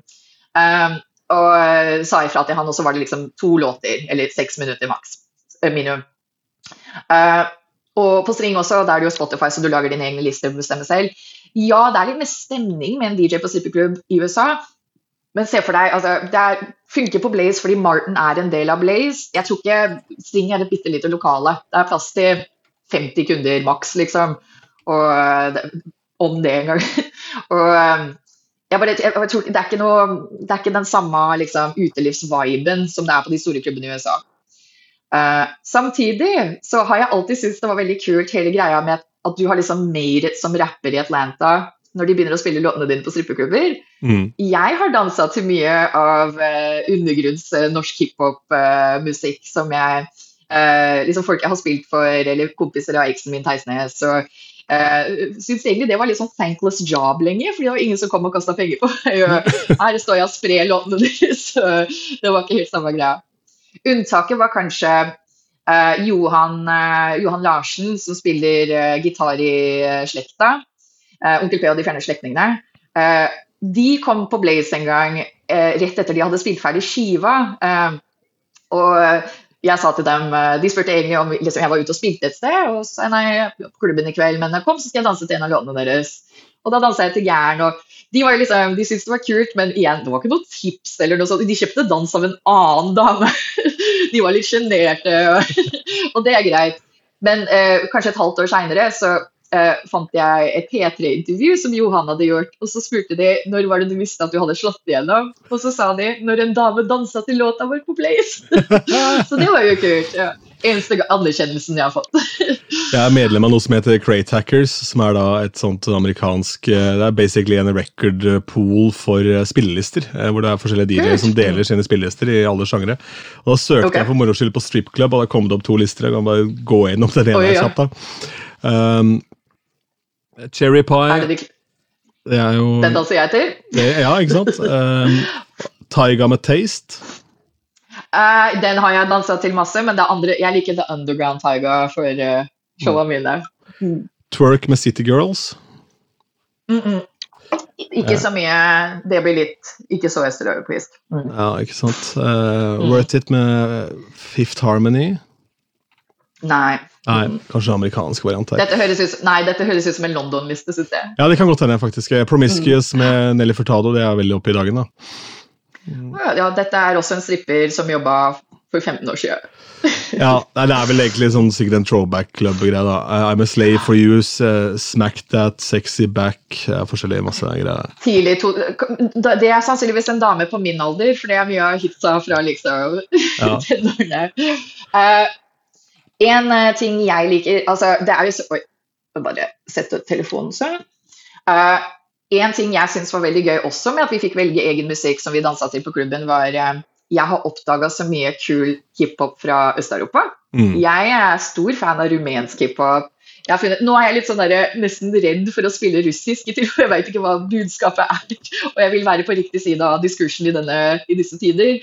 Uh, men um, Eh, det, det, er en veldig gøy del av, eh, av opplevelsen. Og noe jeg savna veldig mens jeg var frisørlærling, var bare faen, jeg finner jo aldri noe ny musikk. Og, men eh, det er også trender. Den sommeren jeg begynte på Blaze, så dansa alle, alle unntatt meg, til Drunken Love eller Pour It Up. Og de som var rumenske, dansa alle til den samme rumenske hiphop-låta. Det tenker jeg at... Men om jeg, aldri, om jeg, helt ærlig aldri hører en The Weekend-låt igjen, så er det nesten litt greit. Jeg har hørt så mye The Weekend på klubb. eh, han har i hvert fall made it. Eh, når både faren min digger den, og han ble spilt på klubben. tenker jeg. 100% ja, ja. Men uh, spiller ikke så mye, da. så rart at på en måte alle de østeuropeiske jentene gikk for den samme låta, fordi det skulle jo så lite til å skille seg ut. Mm. Men jeg, skilte, jeg, tenkte veldig hipster, liksom. Jeg må bli lagt merke til. Liksom. Jeg skulle være hun rockejenta eller hun liksom, trap-musikkjenta eller hun som dansa til Prodigy. Og alle vil skjønne hvor mye mer spesiell jeg er enn alle damene. Og hvor mye bedre opplevelse de kommer til å få. Sånn funker det ikke. Uh, Mannfolk er basic, de også. Uh, no shit. Jeg fant også Ikke sant? I hvert fall de på klubben av og til. Noen ganger så kunne det redde meg litt. Jeg fikk en veldig god kunde som jeg hadde over et par år på string Pga. at uh, han hadde kvelertak-T-skjorte på seg da han kom. Han var fransk, men bodde i Norge. Og jeg har egentlig aldri hørt på Kvelertaket, men pga. musikkbransjen og eksen min hadde jobba med de, kunne jeg si at ja, shit, jeg har jo møtt den og den. Og det var veldig kult for han, og da skilte jeg meg ut på en musikkgreie. Samtidig også så har det vært menn som har kommet innom og liksom, jeg har sett liksom, ser litt anerkjennende på meg når de går forbi. Men når jeg går på showet og kanskje danser til Rammstein, da, så merker jeg at de blir litt sånn Å, det er ikke musikken deres. Og da, da assosierer de deg med at de ble litt irritert over musikken din. Eh, ikke den behagelige låta de liker. Så mange av Strip Club Classics er classics fordi det er allment. Jeg pleier å si at R&B eller trip-hop er veldig safe choices, for det er noe nesten alle liker. Samtidig, hvis de ikke liker det, så er det lett å overse. Det er liksom bakgrunnsmusikk. Um, ja, så det funker av og til å være litt basic, men ja, I was there for the show lenge. Overraskende mye til felles med programmering av ganske vanlig radio. Mm. Ikke sant? Ikke sant? Du må tenke veldig liksom, uh, Hvem er det som ser på, eller i ditt tilfelle hører på, da? Mm. Absolutt. Mm. Skal vi se, skal vi komme oss ut av strippeklubben og ut i dagslys igjen, da, kanskje? Ja, og så inn igjen etterpå, da. Det var jo sånn jeg har kjørt nå. ja. vi, um, fordi I tillegg til disse hiphop-tingene så ender du jo opp på et tidspunkt hørte jeg Isopoden for øvrig, som vel Roy er en del av, uh, DJ ja, konkret. Ja. Så har du endt opp med å gjøre sett på The Villa, som er en av de mest respekterte klubbene ikke bare i Oslo, men i Europa. Én gang. Én gang. Og det var bare et bitte, bitte lite eh, sett i sweatshopen. Det var Joel Koltveit som booka oss. Og um, Jeg tror vi spilte warm-up, men vi, vi, vi, vi closa også, for jeg tror Joel gadd ikke. Og det var så gøy. Og det er ikke liksom den mest prestisjefylte gigen, eller noe som helst, men det var meg og Christian som jeg var sammen med etter Times time, som spilte sammen. Og det var en av de få gangene vi har kunnet kjøre på med liksom den harde trappen, EDM-trappen, som vi digga, som ikke funka på Fisk og vilt. Um, og liksom hadde kul respons. Og det, altså eh, det, det hadde gått uh, en stund, men jeg spilte nylig på Rockefeller, uh, på etterfesten til de frivillige for uh, Øyafestivalen. Og da var det 1000 solgte billetter, og kun meg som sto på scenen. Ikke den best betalte jobben. hard work, det er lenge å stå alene. Men å, så gøy det er å liksom ha en crowd som digger litt. Nå høres det ut som jeg er skikkelig dårlig DJ, men digger selv når du spiller noe som er litt rart. Ja. Jeg har gjort mange år med event nå, og litt sånn mer basic allsang, mye 80-tallet. Eh, her kunne jeg liksom spille ASAP Ferg, Yo-guttene og Weird Romanian shit, og de digga liksom. Mm. Det var kult. Ja, altså når man klarer å hooke publikum og du får det med på reisene. Det er jo ja, og bare liksom at den derre at, de, at de, de, Det var ikke liksom OK, vi aksepterer det her. Det var liksom Å, oh, shit, hun spiller den, ja. Og, oh, det, det, var gøy. Og sånn var det på The Villa den gangen også. At de bare Yes, de var med på The Villa vår. Mm. For de som aldri har vært på The Villa, ta oss litt da gjennom Altså Hvorfor er det så fett å være der? Og der er jeg nesten feil person for å spørre, for jeg er sjelden deg selv. er så, jeg er ikke noe teknomenneske. og ikke det, Jeg tror ikke det, det, er kun det de spiller, men det er vel det det stort sett går i. Eh, men det er vel en av de få klubbene i Oslo som liksom føles når du ser nattklubb på film, når du er tenåring og du ser på Skins og liksom de sexy teensa de er liksom med fake IDs på nattklubb, så er det på en måte det nærmeste du kommer det i Oslo, tror jeg er The Villa. Uh, det er ikke liksom et bitte lite utested, og så skyver de bort stola, og så er det dansegulv. Um, ja, igjen, nå, nå, nå, er det ingen som booker meg lenger, jeg sier det, men det er liksom litt den vibben jeg får. da, Den er ikke sånn typisk Oslo. Den føles litt mer som Berlin eller Ja, ja helt klart. Jeg er helt enig. Jeg har vært her bare én gang sjøl. Og det er jo lavt under taket. Det er, du, er, du, går inn i en bunker, på en måte. Du er inne i en mhm. klubb mm. på en helt annen måte. Og det, og det, og det er mm. helt svart, og det er liksom levels og liksom uh, uh, forskjellige rom det går an å gå inn i. og uh, ja, Så det er litt mer opplevelse, da, kanskje. Ja, det, det minner jo liksom om disse gamle, gamle ravesa som var i typ sånn der um, tilfluktsrom og den type ting. Så særlig da kanskje i, i, Tyskland og Øst-Europa, da, hvor det var mye, mm -hmm. mye, av den slags. Men uh, mm -hmm. Du sier at du har gjort mye sånn corporate-ting. Eh, uh, den strippejobben og mye skitne mannfolk som du møter der, og som sikkert hekler Og mange fantastiske mannfolk også. Ja. Mange fette. Og mange, vet du, men helt ærlig, 90% av mannfolka på strippeklubb, OK pluss minus. De ligger på spekteret der et sted. men jeg tenker Du har jo da hørt uh, sikkert alt i hele verden. Så hvor, hvor skuddsikker gjør det deg i forhold til mas og kjas om request og ting og tang på, på spillejobb? Uh, det, jeg, eh, jeg er ikke en stor fan av requests, men jeg kan hvile meg på uh, at jeg ikke er så teknisk avansert. Jeg har bare USB med når jeg spiller. Og når folk sier 'kan jeg be om en sang', selvfølgelig du kan be om det. Jeg har bare, jeg har begrenset liste. Jeg har ikke mulighet til å søke opp noen låt for deg. Hvis jeg har den, så klart. Og det er ikke alltid jeg har den. Som ofte har den ikke. Men jeg blir veldig glad når jeg får en request av en låt som jeg digger skikkelig, og ikke får en request av så ofte. Så jeg er åpen for det. Jeg har også hatt en gig en gang hvor jeg satte frem eh, en skål med smågodt, og så sa jeg 'no request, take a piece of candy'. og ingen lo av det. men, uh, så det er lov å spørre, men jeg pleier å si til folk liksom, det er lov å spørre, men litt, kommer litt an på gigen. Hvis du ser at DJ-en er liksom inn i et sett, kontra liksom at det er meg som står der og bare Skal jeg spille 80-talls eller rap? Uh, we'll see. Uh, ja. Ja, ordet 'request' er jo egentlig litt dårlig. Det er bedre det norske ordet for det. Ønskelåt, for det er det du ønsker deg en låt. Ja, ja Request er, det, er, jo liksom forespørsel. Ja, og så er det ikke sånn at alle ønsker går oppfyllelse. Jeg har ønska mye rart av julenissen opp igjennom som ikke har dukka opp. ikke sant? Eh, ja, ja. og hvis man hadde behandla eh, ønskelåter som nettopp det, da, ønsker, eh, så mm -hmm. hadde man satt mye mer pris på også de gangene man faktisk får det ønsket sitt. Da. Eh, og det der, der har vi en, voksen, har vi en voksenopplæring å, å, utføre. Altså, fordi alle, Man blir jo litt sånn button pusher oppi hodet på mange, og så kommer en eller annen fyr eller jente opp og sier kan jeg ha neste ikke sant? Fordi Spotify har fucka opp alt. Ja. ja, ikke sant. Uh, det, det jeg, jeg, pleier også å si liksom, til folk som kommer med ønskelåter, uh, men også liksom, folk som spør om ting som ikke er til salgs på klubben. Uh, det er mange som alltid liksom unnskylder 'sorry at jeg spør jeg vet at det er så teit om man egentlig ikke skal spørre DJ om låt eller spørre sykeren om hun selger sex'. Jeg sier det er lov å spørre, uh, men du må tåle svaret du får. Og beklager hvis jeg ikke har den. Ingen skade skjedd fra min side. Og hvis folk sier 'å, ok, takk, neste gang', men jeg har også fått høre liksom Faen, eh, er du ræva DJ? Og du får liksom sånn tyn. Unnskyld. Vær DJ du, da. Så får du mm. bestemme musikk neste gang. Ja, jeg hadde en jente Men det er it's a part of the job, syns jeg. Hva sa du? Ja, jeg hadde en jente som kom opp til meg på, på fredagen som var her, og hun uh, ville høre David Guetta med Den grønne. Og jeg, nå måtte jeg liksom tenke meg om et øyeblikk, for jeg bare Er det en kul låt som jeg ikke vet Men det var ikke det. Nei, det var jo da en David Greta-låt som hadde et grønt uh, albumart, da, sikkert. Jeg vet da faen, jeg. Uh.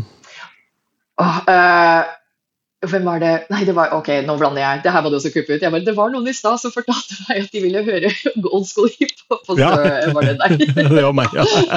ja. Jeg er litt trøtt om dagen, beklager. Ja, det går helt fint. Uh, ikke... Men det jeg syns egentlig har vært kjipest, er gjerne andre DJ som skal komme og sette meg litt på plass. Uh, det, for eksempel hvis de sier OK, så du, du er hiphop-DJ, ja. Uh, ja, hva syns du om den og den bootleg-miksen fra 1988? Og helt ærlig, jeg hører ikke så mye på Golden Age. Uh, jeg liker jo liksom det alle liker, men that's not Jeg liker 2013 eh, oppover track for det meste. Um, og, men det er ikke sånn at jeg går rundt og liksom skal quize de på det. Uh, og så, det blir liksom sånn der, av og til litt sånn gatekeeping. liksom, Hva kan du, da? Og, uh, og har du ikke hørt om det engang? Ok, hvordan kan du si at du er DJ, hvordan sier du at du liker rap? Uh, det andre er også Det var en, jeg skal ikke si hvem det var, som sa til meg Hvorfor kaller du deg DJ Pizza Slut? that's the name, det er det jobben heter. Og så sier han nei, nei, men du spiller jo ikke akkurat på disks, du er ikke en diskjockey. Og vet du hva jeg sa tilbake? Motherfucker, sjekk mappa mi med brenn-CD-er, så jeg spilte på disk. så ja. Men, liksom, det, det, er egentlig det som er verst. ja. Jeg, jeg hørte en uh, eh, DJ i USA ble intervjua i en podkast og han hadde holdt et helt vilt bra foredrag da, om hele måten han tenkte på, og liksom, hvordan han, uh, han bygde opp settene sine, hvordan han mm. bestemte hvilke deler av sangene som ble spilt, alt mulig. Og så er det en fyr som rekker opp en hånd da, på slutten av foredraget og har reagert på Var jeg borte? Der, Sorry. Der, ja. Er vi tilbake. Han har reagert på da, at på videosnuttene han har vist underveis, da, fra brylluper og eventer og alt mulig mm. han har spilt i, så er det primært hvite folk. da. Det har noe, og DJ-er er primært hvite folk? Nei, altså at det var primært hvite folk ah, i publikum. Ikke sant. Og, ja, og han Han DJ-en bare Ok, jeg bestemmer ikke hvem som booker meg, på en måte, og jeg, jeg DJ-er i Pittsburgh. Yes. Altså, hallo. Det er jo noe jeg har prøvd å Så- være litt var på også, fordi altså, ja, jeg, jeg kan liksom si at jeg er så indianer som jeg er. Jeg har fortsatt ikke liksom vokst opp i the hood i Atlanta, kan ikke claime den erfaringen. Um, en, eh, men jeg, det er ikke noe sånn at jeg prøver å liksom være woke eller noe sånt. Noe. Det er en genuin respekt for sjangeren uh, som gjør at jeg på en måte uh, har klart å i hvert fall for meg selv finne en balanse mellom å liksom delta i kulturen og feire kulturen, samtidig som jeg er veldig klar på at eh, dette er noe som andre erfaringer har skapt, og jeg nå liksom tjener penger på å spille. Og, eh, og da er det liksom sånne ting som eh, De sier N-ordet i sangene mine, men da er hacken min at jeg sier Nina når jeg synger. liksom, On my Nina's look rich as fuck, ikke sant? og det også blir jeg litt sinna over når altså disse white kidsa fra typ Gjøvik skal komme og liksom quize meg på hvor hiphop jeg er. Cause bro, du er fra Gjøvik. Du er ikke noe hiphop, du heller. Hvis vi skal se på det sånn. Øh, kanskje du kan mer om meg om det du liker. Kult, men jeg kan mer om det jeg liker. Og la oss bare høre kule låter og ha det gøy. Den, den satt langt inne. Jeg hørte det musikk på slutten. Jeg bare, det dirra litt. Jeg møtte en fyr en gang som skulle ha en Deppers Mode-quiz på meg, da, hvor han drev og nevnte noen obskure låter og lurte på hvilket album Mm. de var på. Og så sa jeg nei, altså, det kommer ikke til å klare å gjette en eneste en, for det er helt Ja. uinteressant. Eh, for jeg syns musikken er bra. Jeg har ikke noe behov for å vite at den er på Songs of Fate and Devotion eller what the Og- fuck, liksom. Nei, det var helt utenkelig for han å, og å tenke på den måten. Og sier men har du tatt deg råd til å stikke og se etter bander der de hører hjemme Ja. i Tyskland, eller?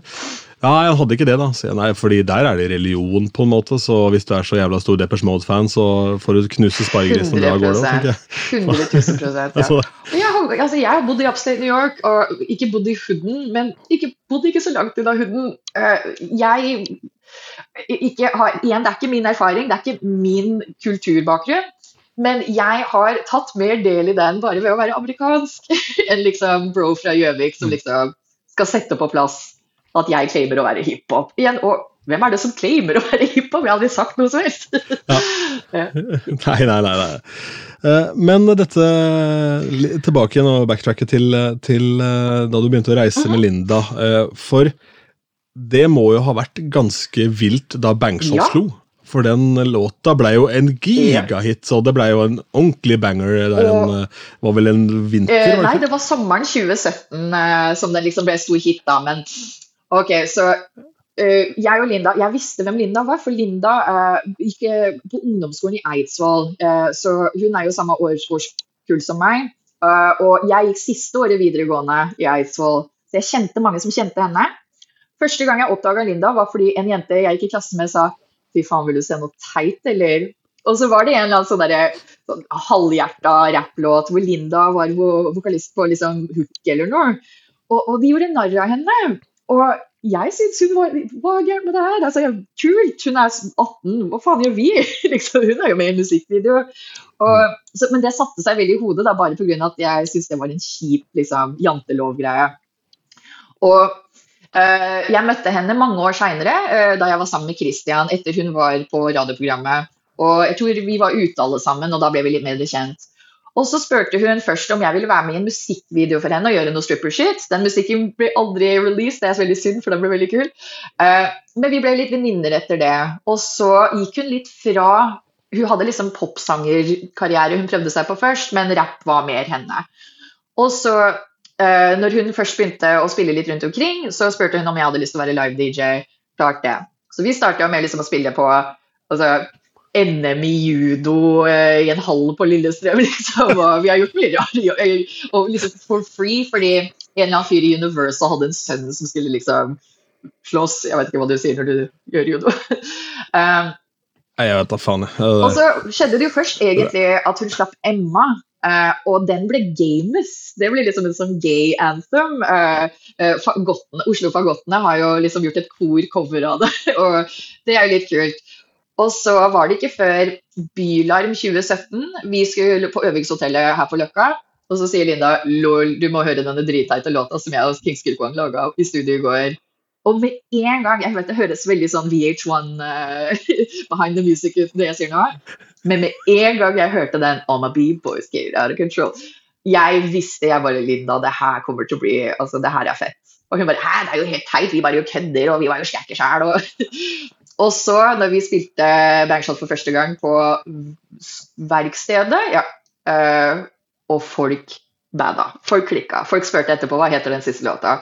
Og så var den vel trippel platinum eller noe sånt og innen sommeren var ferdig.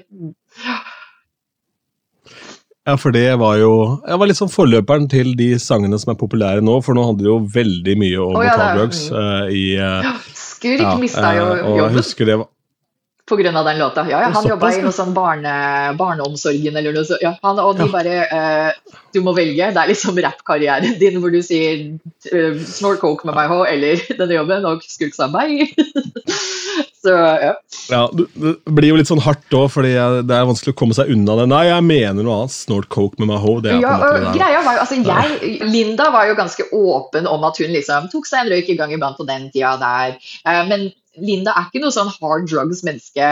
Uh, Skurk kjenner jeg ikke så godt, han kan jeg ikke snakke for. Men den sangen var egentlig at de liksom var characters. Det var oppriktig at de bare var teite og, um, på, det, på det verset, refrenget. Um, og det var derfor Linda liksom ble litt overraska, hun bare Jeg har sanger hvor jeg har liksom delt sjela mi og brukt så mye tid på, og så er det det her de liksom og, Men jeg husker Linda også strevde litt med det, for hun følte at hun ble veldig stempla som liksom stoner-dronninga, når hun er egentlig ikke det. Det er liksom mye mer enn bare den ene låta. Og, ja. Ja, ja, det er jo Men du får en så massiv hit, vet du, så blir det jo folk bare lager seg bilder opp i hodet mm, av, av, hvordan du er. Og jeg, jeg hørte jo rykter om om Linda. Altså, hun har vært drug dealer i mange år. Så tenker Jeg ja. jeg har sittet i bilen hele jævla veien opp til Holmenkollen en dame. Liksom, så. Jeg kan love deg også at de, de største kjeltringene hadde ikke laga låt om hvor, store kjeltringer de er. Mm. Nei, nei, Eller kanskje det er trikset, ja, rett og slett. Nå som vi har sagt det, så er det sikkert det. Reverse psychology. Ja, ja. Vi sitter på fasit, right. garantert. Um, vi må en liten tur innom uh, skrekkfilm før vi skal Åh. til, uh, skal til uh, rapid fire-sekvensen her. som avslutter det hele. Hva vil du snakke om med skrekkfilm? Jeg håper det. Ja, fordi du er lidenskapelig opptatt av mm -hmm. skrekkfilm og Nicholas Cage. La oss ta sistnevnte yes. først. Hva er det ved Nicholas Cage som er okay, så jævla dette får jeg Dette er et spørsmål jeg har fått mye i det siste. Fordi ingen gadd å spørre før Nicholas Cage eh, hadde den, eh, den, filmen som kom nå, som alle elsker. Nå er det kult å like Nicholas Cage, og jeg gatekeeper ikke. Jeg syns Nicholas Cage fortjener den oppmerksomheten han får nå. Men Nick, I loved you before they did. Bare husk det. Uh, ok, Så for meg, Nicholas Cage, jeg ler av han, jeg også. Jeg går ikke og sier at han er Marlon Brando i Gudfaren her. Samtidig, Nicholas Cage er en Oscar-vinnende skuespiller. Nicholas Cage vant Oscar for 'Leaving Las Vegas', eh, som er en film jeg egentlig nesten aldri orker å se på, fordi jeg syns den er så trist. For han gjør en god jobb. Men for min del, sånn jeg ser på Nicholas Cage, er er fint. Han har en energi som øh, ikke alle kan på en måte harness in the right way. Du kan ikke forandre hvordan Nicholas Cage har bestemt seg for å gjøre rollen sin. Noen uh, regissører kan på en måte go with him, og det blir dritkult. Hvis du har sett Pig, hvis du har sett Wild at Heart. Noen folk forstår han, og det funker. Samtidig, selv de som ikke helt forstår han, og det blir latterlig eller det blir rart, it's still so entertaining. Han er jo amazing å se på uansett hvor ræva resten av filmen er. Det er kjempegøy å se på Nicholas Cage. Literally alle liker i hvert fall én Nicholas Cage-film. Og ja, jeg, Kjell? Mm. Eh, og så lider han jo veldig under at han måtte velge sinnssykt mye drittmanus da, for han trengte penger. Stemmer. Men vet du også hva en liten fun fact om Nicholas Cage er at Nicholas Cage egentlig heter Nicholas Coppola. Nicholas, er, uh, Nicholas, som vi har på fornavn. Nicholas Cage er uh, nevøen til Francis Ford Coppola, altså kjent fra uh, Dracula, Gudfaren, alle det. Nicholas Cage bytta navnet etter navnet ja. til Cage fordi han er tegneserienerd. Det er Luke Cage. Og fordi han, ville, han ville unngå nepotisme. Han ville ikke at folk skulle gi han jobber fordi hvem han var i familie med. Han ville få dem fordi mm. han var den han er. Uh, Nicholas Cage oppdaga også Johnny Depp, en liten fun fact jeg liker. Uh, det var han som sa til Johnny Depp eh, faen, uh, you have the look. Altså, du må jo se den agenten her. Og første audition Johnny Depp gikk på, var West Cravens 'Nightmare on Elm Street', og det var hans første film. Så var ikke det en nydelig Segway inn til skrekkfilm fra Nicolas Cage? Boom. Jo, absolutt, eh, men nå var ikke jeg helt ferdig Ok, med Cage. da, fordi jeg har Han, mista meg da han hadde den der filmen hvor det brant fra ryggen på han da han kjørte den der er motorsykkelen. Den, Det det er ble noen av litt mye. sånne også, men han, The Dude's been in over 100 filmer. Hundrevis. Ja. Ja, og der skal vi litt ned i materien, for jeg har to filmer jeg liker jævlig godt med Nicolas Cage, og det er filmer jeg ikke har hørt noen andre okay. Nevnt. For altså, Alle nevner Face Ja. Mhm. Off, alle nevner liksom Con Air, men jeg elsket han i The Weatherman. The Weatherman. Er en kul en. Uh, det, han, så, så sår og så morsom han er. han er. Fordi det er greia også. Nicolas Cage han gir alt, og her er en ting til jeg respekterer med han, er at han gjør sin greie. Han, han veit at folk ler av ham. Det er derfor han har casha inn liksom så mye nå det siste året. Fordi han veit hvordan han selv er. Og det gjør det litt greit for meg å le av han også, for da føler jeg at jeg ler med. Men faen, Weatherman Men der også, han beviser Han er oppriktig morsom også. Var det det? Hvor var det vi skulle hen med The Mm. Weatherman?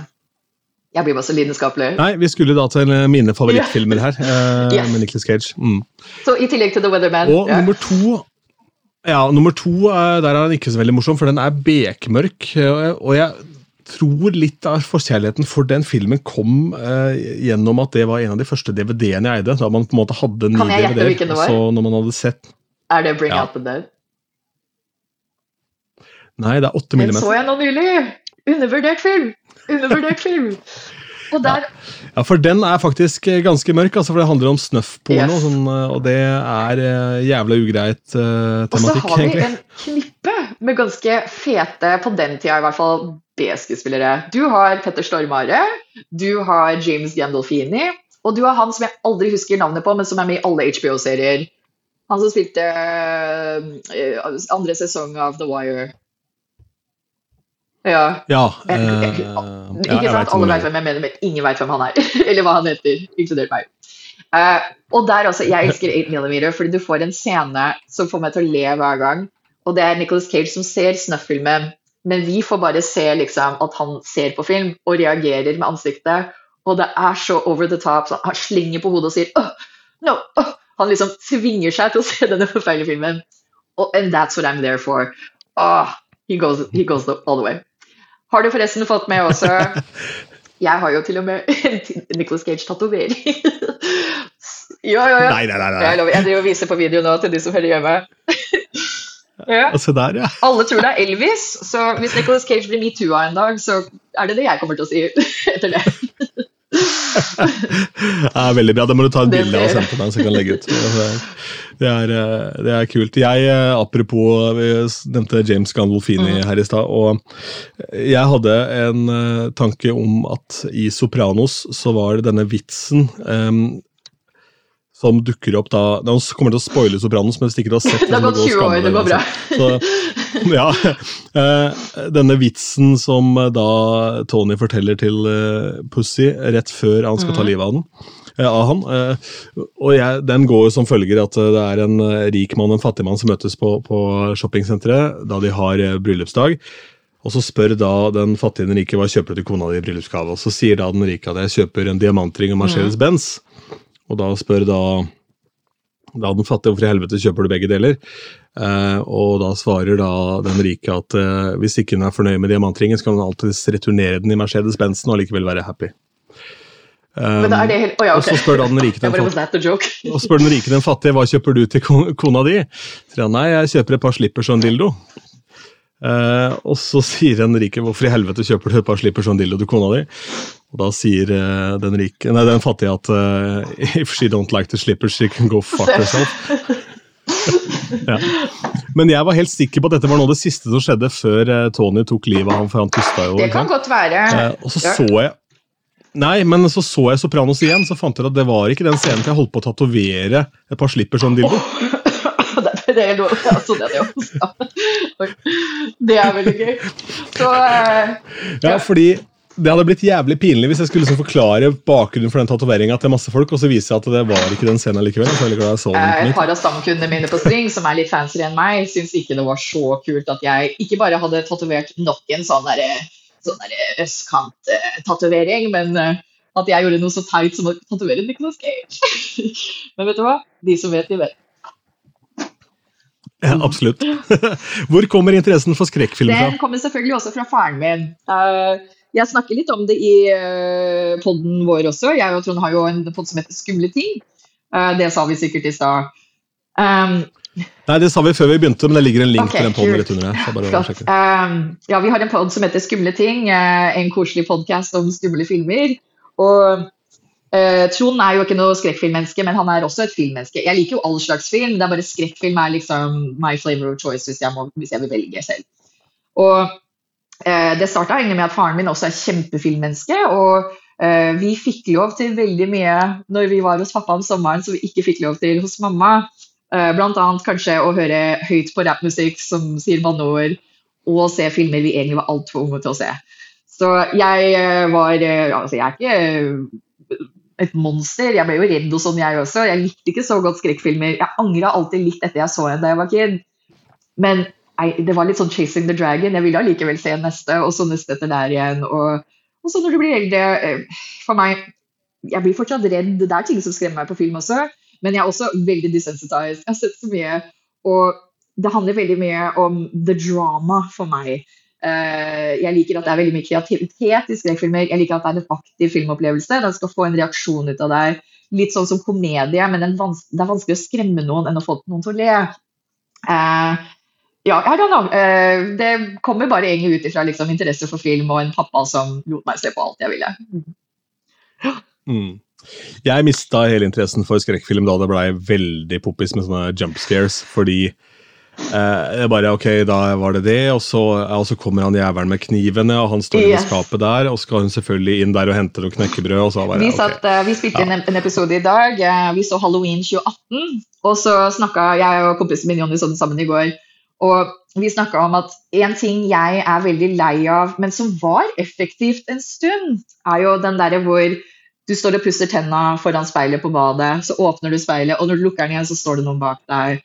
Og første par gangene jeg så det brukt i filmer, kult, effektivt. Nå er det sånn Nei, så gikk det over til liksom at du veit hva som kommer med en gang de gjør den speilgreia. Og så, ja, der var det, ja. Og nå blir jeg bare sur når de gjør det. Finn på noe mer kreativt. Men det er greia med skrekkfilm. Hva er det neste de finner på? Hva er neste monster? Hva er neste liksom, franchise-villain som alle digger? Jeg, jeg bare gleder meg til å se hva folk finner på. Jeg er ganske sjuk i huet, så nå fikk jeg et bilde av at det sitter en sånn kortvokst inni det skapet under speilet. og Bare stæver en kar i Det hadde vært genialt! Det er, liksom, det er ingen bak han, men det er noen under han. ja. Jeg er jo også med i eh, programrådet til eh, Ramaskrik-festivalen, som er eh, eh, Norges eneste skrekkfilmfestival. Skjer i Oppdal om en måned, guys. Dere burde komme.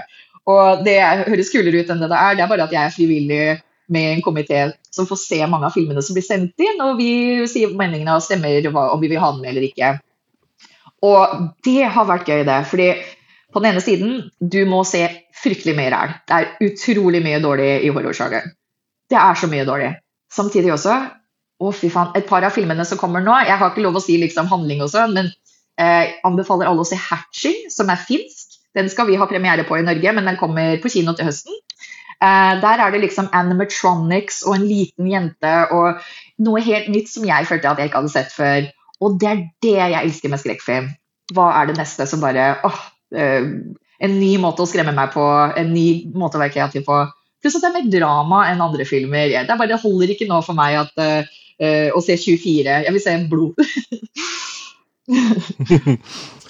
En av mine favoritter eh, sånn, ja Det er vel egentlig skrekkfilmsjangeren, men det er vel en psykologisk thriller. da, Det er filmen The Cube. ja da, jeg ville sagt at det er horror. 100% For det var en film jeg endte opp med å ta med meg hjem fra, hjem fra videobutikken i en sånn desperat jakt på nummer tre. Du hadde en sånn blockbuster-jævel, og så hadde du en som det var eh, med Jim Carrey eller what the Mm. fuck. Som du visste at var bra, og så trengte du den tredje filmen. Nei, jeg kommer, eh, kommer til Sorry, Cube nå. Og så har du den tredje filmen da, som du skal, på en måte skal leie med Ja. deg hjem. ikke sant? For du har tre som du kan ha i Ja, ja. en uke eller whatever. Og så går du rundt der og du leter og du leter, og du leter, og så ser jeg på det dumme coveret så tenker jeg jeg tar den, jeg.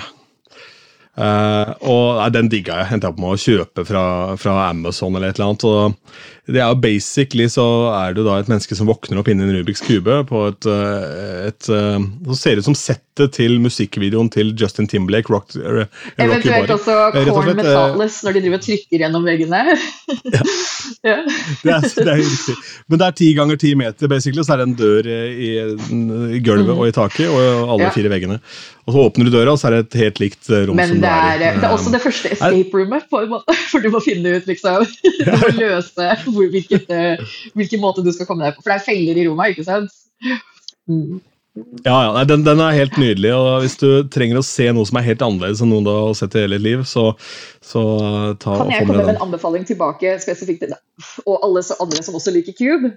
For single location, eller film generelt, er veldig kult. fordi hvordan i all verden skal du fortelle en historie på si 90 minutter og være på ett sted? Og eh, det tar jo Cube. Er, jo- de er jo stort sett basically på et sted. De er jo inne i kuben. um, men jeg så en film på Netflix, også helt tilfeldig, jeg bare ja, sjekker ut det her, som heter The Circle. Og det er rett og slett uh, 50 mennesker som står i en sirkel, og uh, prøver, et par av de prøver å flytte seg og blir zappa og dør og dratt bort av en unseen force. Og så er det en timer som zapper en Nei, de må stemme på neste person som skal bli zappa. Og det er hele filmen. av character building og drama og bare mennesker som står og snakker med hverandre, og den ene dør etter den andre. Anbefales. I loved it. Det er en film jeg skal sjekke ut. Og ja, siste tips i forhold til Cube, ikke vis den på date, for det er ikke noe vits Med mindre du drar på date med meg. eh, hva? Ja.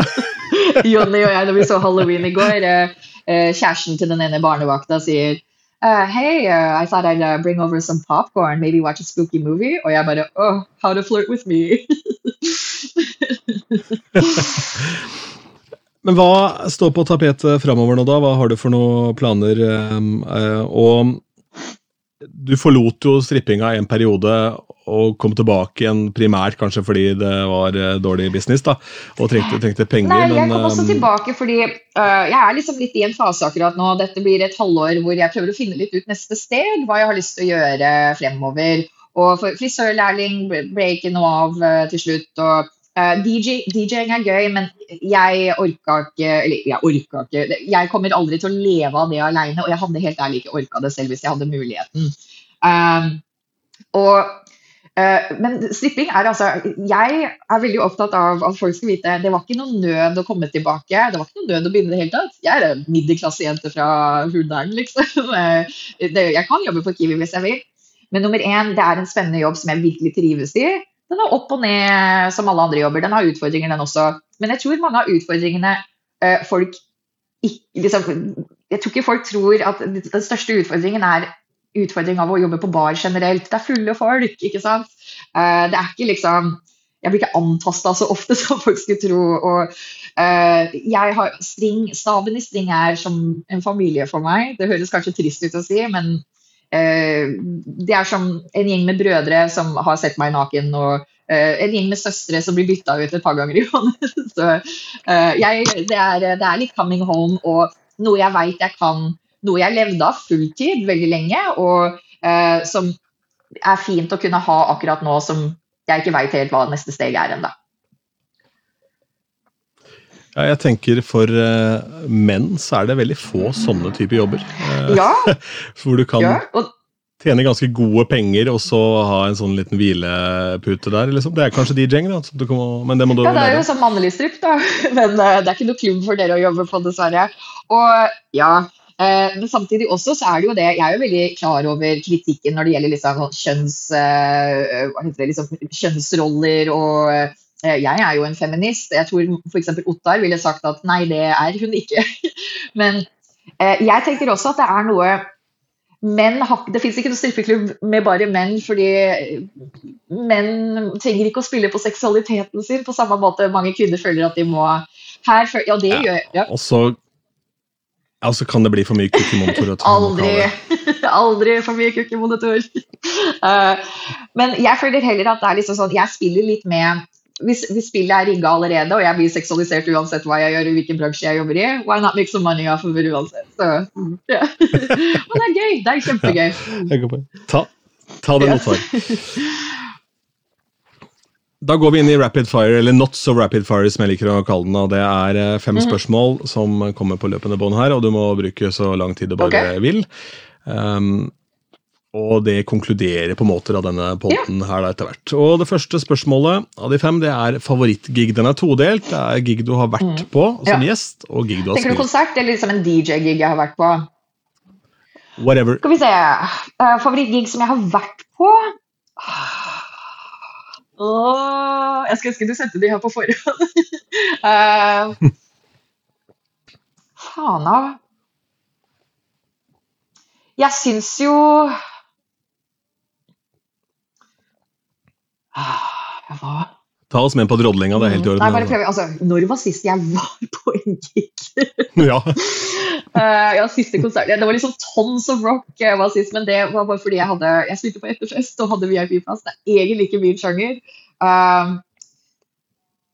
Skal vi se Jo, OK. Um, en rapper som jeg syns helt oppriktig er virkelig talentfull og alltid en fryd å se. Men jeg veit ikke om det her er helt liksom telles, fordi jeg var DJ for han selv mange ganger. Men jeg så han performe liksom fra hjørnet, og det er eh, kompisen min Hemen. Eh, han eh, kalte seg Himugen at the time, og Money Bill, Money Bill Mill, men han driver ikke så mye musikk akkurat nå. Hemen er litt sånn som Linda Vidala. Eh, kan alt. De kan danse, de kan synge, de kan rappe, de kan produsere. Name it and they do it. Og de gjør det plettfritt. Eh, så, men nå blir det urettferdig, for nå sa jeg ikke Linda, nå sa jeg Hemen. Ja. Favorittgig min, som jeg har gjort selv, kan jeg svare på først. I nyere tid eh, Jeg spilte, jeg nevnte liksom etterfesten for Øya som jeg spilte på i august, og det var noe av det mest morsomme jeg har hatt på årevis. Det var Altså, jeg, jeg har 100 bilder og videoer fra den kvelden som jeg ikke kan poste, for jeg ser bare sånn så, gal ut. Jeg har det så gøy. Jeg er svett, og jeg gliser, og jeg sygger med. Og faen, for en crowd, og så er det liksom scene, så du er litt langt borte fra liksom folk. Uh, å nei, det var, så- det var så gøy. Det var utrolig morsomt. Og følte at det var liksom virkelig første DJ-pizzaslott jobb jeg har gjort på veldig lenge. Shout-out til Poptroy Booking som eh, ga meg den jobben, eh, by the way. Det var veldig, veldig fint. Uh, ellers så Pits. Jeg liker egentlig altså, En av de beste DJ-settene jeg har hørt, uh, var å, Det er et utested i Praha som er liksom bygd opp Vet du om den der industriklubben som er liksom lagd av metallsøppel? Åh, nei. det, Jeg er en pubmann, jeg er egentlig det, jeg også. Når du spurte om liksom beskriv det bildet, jeg bare Men jeg er aldri på klubb. Eh, Man blir litt yrkesskada. Du vil sitte og ta en øl og prate når du har fri. Ja, ja, og I Praha så var det jo jævlig vanskelig å finne en klubb hvor ikke det var striptease òg. Mm. Så eh, jeg måtte gå innom en kiosk, for det var to kompiser av meg, så jeg gikk innom kiosken og sa jeg betaler deg fem euro hvis du kan bare peke meg i retning av en bar. så Hvor ikke det, hvor, ikke det er stolper, liksom. Eh, eh, for så vidt også det, det utestedet her som jeg ikke husker hva heter, eh, lå liksom i Praha 2, som ikke er turist-Praha, det er liksom kommunist-Praha. Så det var liksom out of the way, vi måtte på en måte finne frem dit, og det var noen som var lokal som viste oss veien. Men det var jævlig kult. Det var liksom, det var kanskje en av de første gangene jeg hørte hardstyle spilt annet enn liksom på Jessheim. uh, og eh, nei, det var kjempegøy. Det var kjempegøy. Og igjen, sorry at jeg ikke husker spesifikk DJ, men Arab Music på blå også. Dritkult show. Jeg og Theisnes og Halvor Harsem var der i høsten 2013. Det var kjempegøy, det òg. Men i Praha har du vært på den tegneseriebanen? Ja, Som er døgnåpen? det har jeg. Jeg har fortsatt menyer fra der som jeg stjal med hjem. Ja, ja, ja, for jeg var der eh, Vi var og så Paul McCartney faktisk i Praha. og Det var en jævla kul opplevelse. Og så begynte det å regne noe så jævlig på vei hjem, så løp vi innom den baren. Og så var det jo hyggelig å være der og sitte og drikke og drikke og drikke, Paul og jeg, da, Mm. kompisen min. Og så gikk vi ned i kjelleren, og da var vi helt aleine fram til klokka var sånn Eller vi var helt aleine, var midt på natta, og så plutselig så ramler det inn en hel gjeng hvor alle er nesten like. De er ti centimeter lavere enn meg og litt breiere enn meg over okay. skuldrene. Hvor, hvor høy er du, Og forresten? så går det opp en jente Jeg er 1,78. Så går det opp en jente i, i DJ-boksen, og så trykker hun Mhm. play på Savage Garden med Truly Madly Deeply. Og så synger hele den bølingen her med. Drithøyt alle sammen, da. Da har jeg oh, Sorry. Eh, og da tenker jeg, hva i helvete er det som foregår nå? Altså, Er det skjult kamera, Ja. eller hva er dette for noe greier? liksom? For det er bare vi i hele puben, og så, eller baren, og så er det de gutta her. Det mine, ja, Så jeg går bort til en av Jeg dem. avbryter det hver gang. Jeg går bort til en av dem, så spør jeg Ja, ja det går fint. Så spør jeg who the fuck are you, liksom? Altså, hva er det dere gjør her? Og så viste det seg at det var det australske rugbylaget som hadde vunnet en sånn Å, så koselig! De skulle vært på strippeklubben, så var de der og hadde det så gøy sammen. Det, det elsker jeg. De kom sikkert ikke inn. Det minner meg litt om um, jeg, eh, altså jeg eh, I took my art very seriously da jeg var en liten babystripper på Blaze. Og jeg likte å kjøre liksom temashow. Og et av showene jeg var veldig stolt av, som jeg kjørte mange ganger, til varierende respons, var at jeg pleide å ha schoolgirl-uniform, og så dansa jeg til forelska i læreren. Men jeg pleide å si til kunder også at I'm in college, not in high school. Eh, jeg er en voksen dame. men, um, Jo, men men på Blaze så er det sånn at alle de har jo Alle de har jo runka til videoen til Ikke sant, ikke sant. Dessverre så har de det. Men ehm, det, det er sånn på Blaze også at det er en hovedscene som liksom Har du show på hovedscenen, så er det du, ditt show, du bestemmer musikken. Men hvis det er fullt i lokalet, og det sitter kunder liksom ved bordene som er lengst unna scenen, så er det en tipstage som hvis det er fullt, så må en, dan en dame til danse der. Eh, og damene til slutt eh, hata å danse tipstage med meg, for jeg hadde så mye rar musikk. Og så husker jeg Jurgita, som pleide å danse til liksom, litt sånn pop-trans. eh, helt motsatt eh, metall og rappen som jeg likte å danse til. Hun eh, måtte danse tipstage når jeg dansa til forelska i læreren. Og hun kom etterpå og sa Oh, fuck, Martin, DJ always put me to dance with Nina and her disgusting music. What is this schoolgirl song? Your national anthem or something? Everybody sing it, but I hate. Så hun trodde da at det var liksom altså nasjonalsangen jeg dansa til da. Det er nydelig. Men da var det også, tenk å være liksom der og så bare alle synger med, og så tar du ikke referansen og bare what the hell? Det bare minna meg om det da, den opplevelsen du hadde. Er- ja, alle på en måte bryr seg om noen langhåra trøndere som spilte en låt tilbake på 80-tallet, framfor å putte penger i trusa di. Liksom. Det er helt nydelig. By the way, det andre showet mitt, apropos National Anthem, det var norsk flagg bikini og villvakker og våt med Sissy Cowboys. Eventuelt vestkantsvartinga med Karpe hvis det var litt kids der.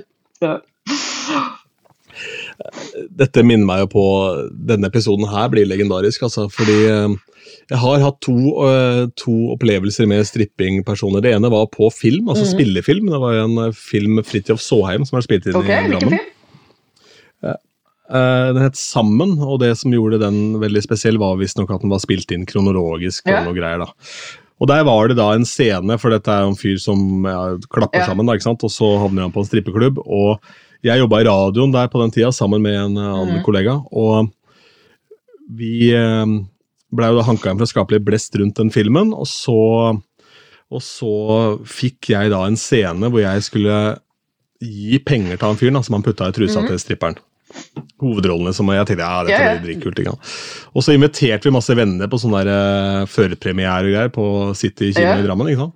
Og så var alt klippa vekk, bortsett fra én scene hvor du ser magen min, og så holder jeg en øl. Ja, your time to shine.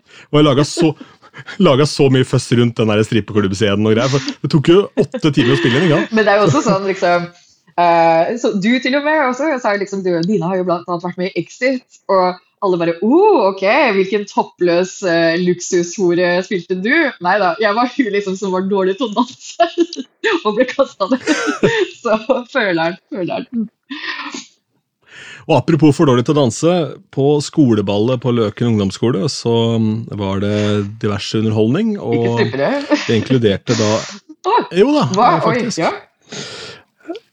Dette var da et show som het Stripping Wales, basert på Shippendales. Nice.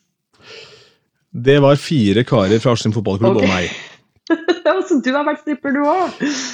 Ja. Ja da, eh, og da fikk jeg beskjed av eh, klasseforstanderen min at hvis du går lenger enn boksershortsen, så er du ferdig for året, liksom. Altså, da får du ikke karakter oh, på ungdomsskolen. Da må du begynne å jobbe på Eh, og sånn som meg, da. Ja, men det var ikke noe pols der, da, det var bare en scene. Og greia var det at eh, det var, var jo øving til underholdningen på skoleballet. Det så jeg på som fri. Ja. Så de andre gutta hadde koordinert et antrekk, det hadde ikke jeg fått med meg, så jeg laget mitt eget. Åh, hva hadde du på deg? Og Nei, det var bare noe Jeg hadde bare laget et opplegg med noe jeans som jeg kunne rive av på siden. noen greier. Uh, så, og de hadde jo en dans, jeg måtte lage min egen dans. Da, så var liksom de fire som var veltrent, og så gikk jeg ut sånn der bleikfeit, Åh. tjukk kar med masse selvtillit som Ja. var DJ. Oi, er du meg? Uh, og, ja, eh, det kan du si. Og litt av utfordringen her er jo det at de har jo flere plagg Ja. enn meg. vet du. Ja. Så jeg ser bare sidesyn av læreren bare står og liksom borer øya i meg og er livredd for at den bokseren ryker. da.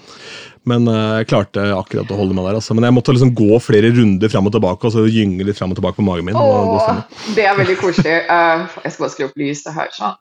Um, faen, det minner meg om et eller annet. Hva var det? Ja, det er borte. Det er helt borte. Ja. Skal vi se, Jeg prøvde å starte den rapid fire-varianten. Ja, neste, fortsette på den? neste rapid fire. Ja.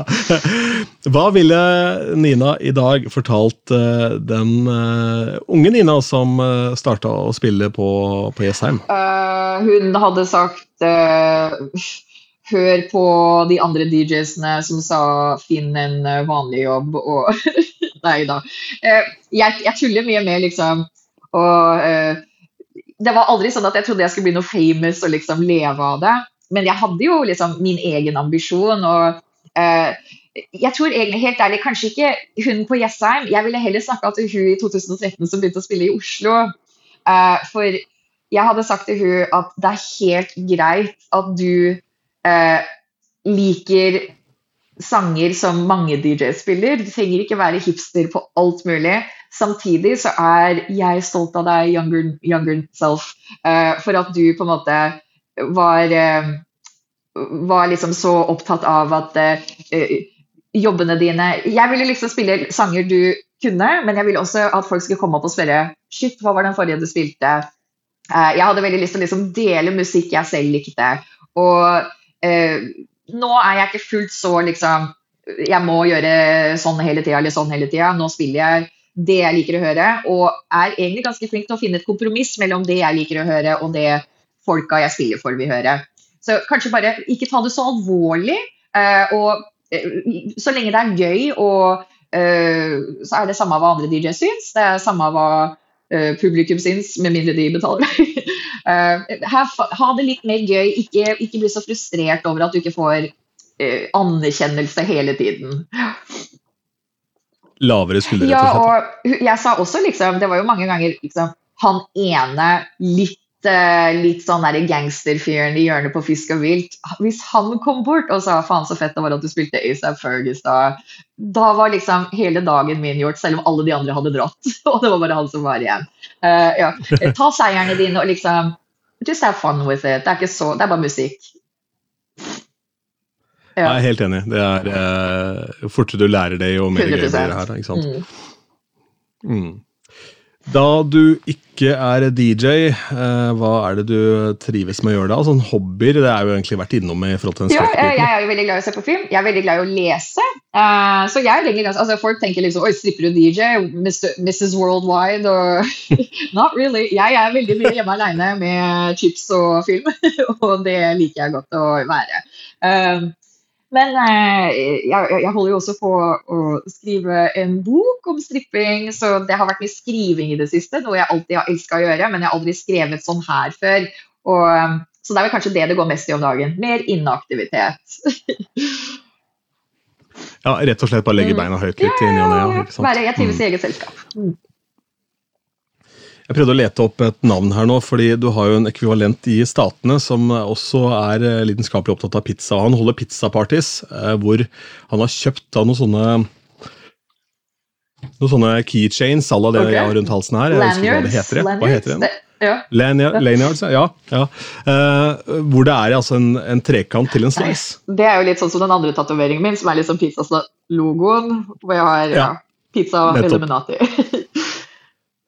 Men, men der går altså folk da rundt, og så har de en pizzaslice da nede i eh, den der, oh, ja. og så er de på party og danser og Det holder på. har jeg sett. Uh, men jeg ja, fant, fant ikke navnet på han i farta her. Men hvor kommer dette pizzasløtt-opplegget fra? Det er jo veldig sånn lett å hoppe til pizza fordi det er noe alle Altså, har det er til. jo, men, er det, var, altså, det er jo ikke jeg. altså Hashtag pizzasløtt var jo noe jeg først så på Instagram. Og jeg er jo kjempeglad i pizza, men det var mest liksom Jeg elsker jo en si en god pun, men jeg elsker egentlig en dårlig liksom, wordplay-puns. Eh, jeg var jo indie-Anna Jones før jeg ble DJ Pizzaslut, så ja, jeg veit.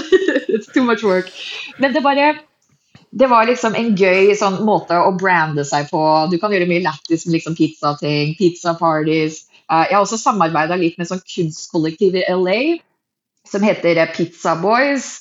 Eh, og vi fant hverandre via Instagram. Eh, de hadde også til og med limited edition sokker som de solgte, som var naken meg på.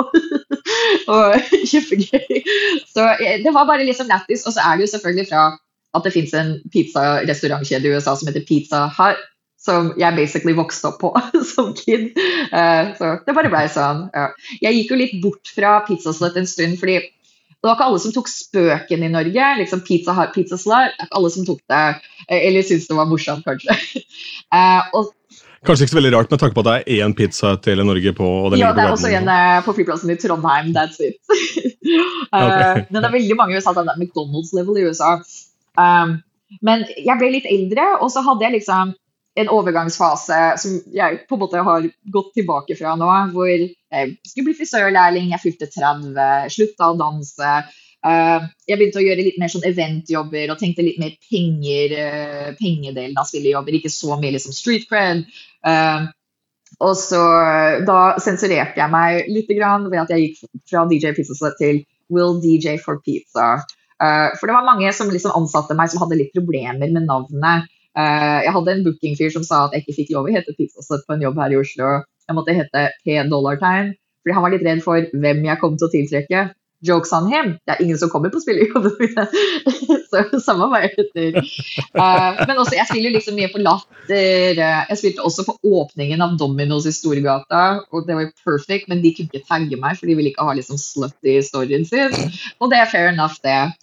Men Will DJ for pizza det var liksom covid-DJ-en, for I literally would, would have DJ-en for pizza. Jeg var litt sulten den tida.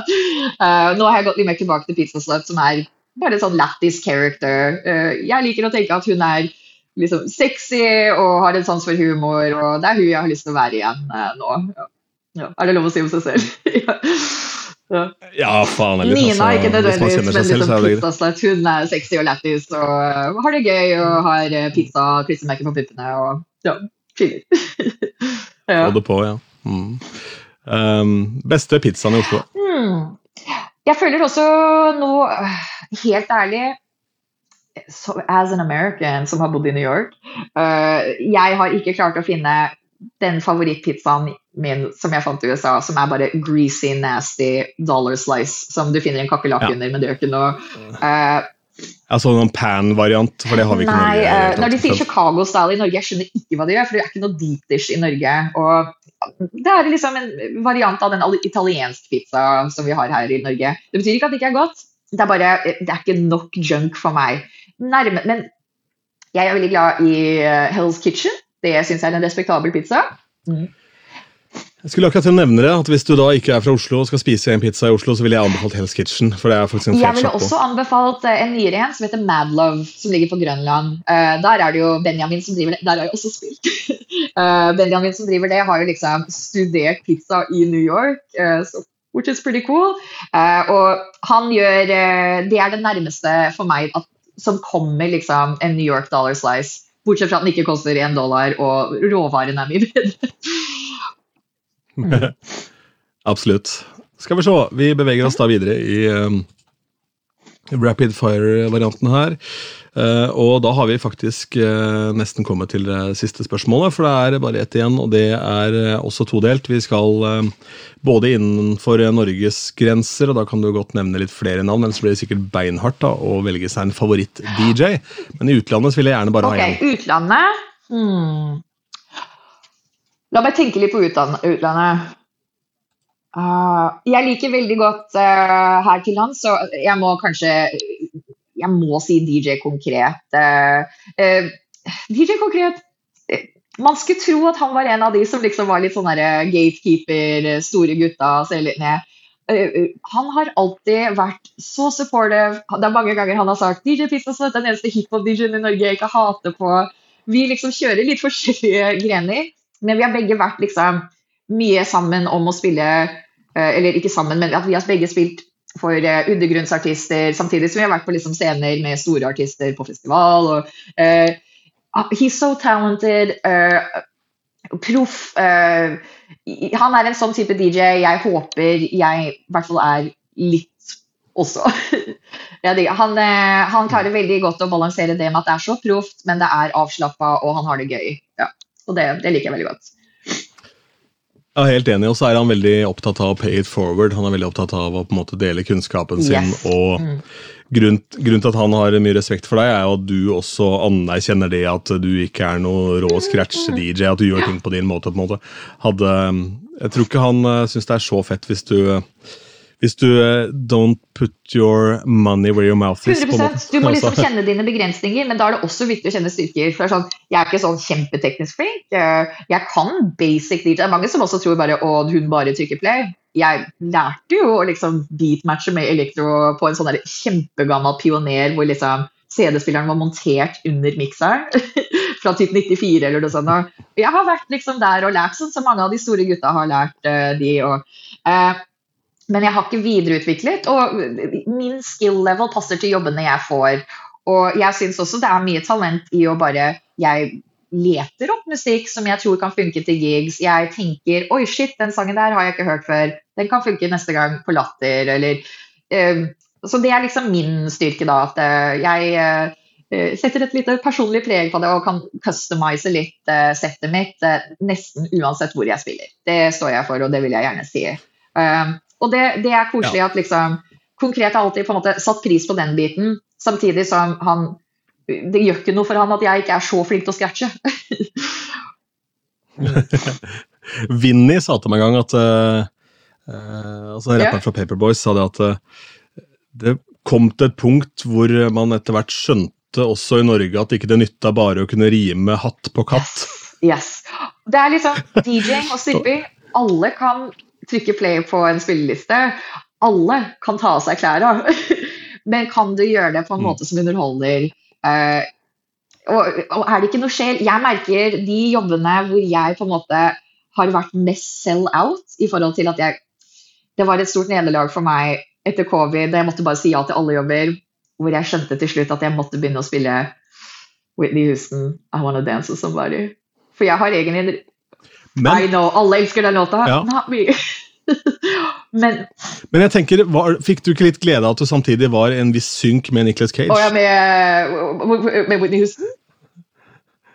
Nei, men takk at du ja til alle ja, jeg fikk også skattesmell by the way for noen år siden, så jeg kan relatere til det. Eh, eh, Men da var det sånn der jeg følte igjen Jeg har en regel som jeg alltid har fulgt, og det er at jeg spiller kun musikk jeg tåler å høre på selv. Det er ikke sånn at jeg spiller en låt jeg virkelig hater bare fordi å spille den. Den regelen er tøyd ganske langt i forhold til de husene var den som var i. Men folk danser hver gang den blir satt på. Så the crowd, the crowd has spoken. the people have spoken.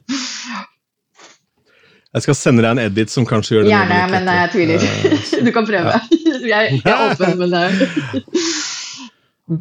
All right. Eh, dette ble en eh, jævla kul eh, samtale. Vi har holdt på nesten to timer det henger jo sammen med at vi har vært, i, vært innom absolutt Ja. alt. eh, Og um, her håper jeg folk henger med hele veien ut, for det var uh, moro. Takk. Ja, jeg Um, også. Siste spørsmål i kveld. Uh, det lyder som følger, da, og dette stiller jeg til alle. DJs. Vi fører en uoffisiell statistikk her i Norges langstrakte okay. land over hva som er favorittbiten i Twist-posen til Åh, forskjellige DJs. Hva er din? karamell. Karamell! Jeg Ok. Dette er så trist å dele, men jeg, jeg ler selv. Alle sammen. Det er lov å le. Det går bra. Jeg hadde et ganske heftig samlivsbrudd tidligere i år. Ergo Nicolas Cage-tatovering og tilbake på strippeklubb. Det går bra. men det går bra. Eh, men altså, de første dagene etter, etter du blir dumpa, Da er du ikke ditt beste jeg. Da er du ikke særlig kul. Og jeg møtte lavpunktet mitt når jeg hadde glemt at ei venninne skulle komme på besøk og liksom se hvordan det sto til. Så jeg sovna, og eksen min som fortsatt bodde her, slapp henne inn. Så hun kom inn, og så så rundt seg, og der lå jeg og hadde liksom askebeger med masse sigg i senga. Jeg hadde Burger King-poser overalt, og jeg hadde en eller en pose fra Freia-butikken her på Karl Johan med bare karamelltwist oppi. Så jeg hadde spist mens jeg sov. Så uh, twist. Ja, Det er eh, faktisk eh, det åpenbare svaret, skulle man tro. Men det er overraskende få som nevner den. Det kan ha noe med at andre ting skiller seg veldig ut. Ja, hvorfor de insisterer på aprikos og banan, er et mysterium for meg. Det er alltid det som ligger igjen, men ok, kjør. Ja, Det er jo der konflikten står da mellom aprikos, nei, mellom bananen og lakrisen. selvfølgelig. Lakrisen er det alle i familien min liker. Bestemor og mamma krangler om lakrisbitene. Ja. Der kan vi se. Eh, sånn er det ja. på Hurdal. Men masse karamell for meg. Jeg får karamellen i fred. Nina, dette var dritgøy. Takk for Takk tida di. Og um, ta og strekke strekk ut en hånd til Nina hvis du trenger noen tips og anbefalinger når det kommer til skrekkfilm. Eh, strekk ut også en hånd til Nina hvis du har en spillejobb til henne.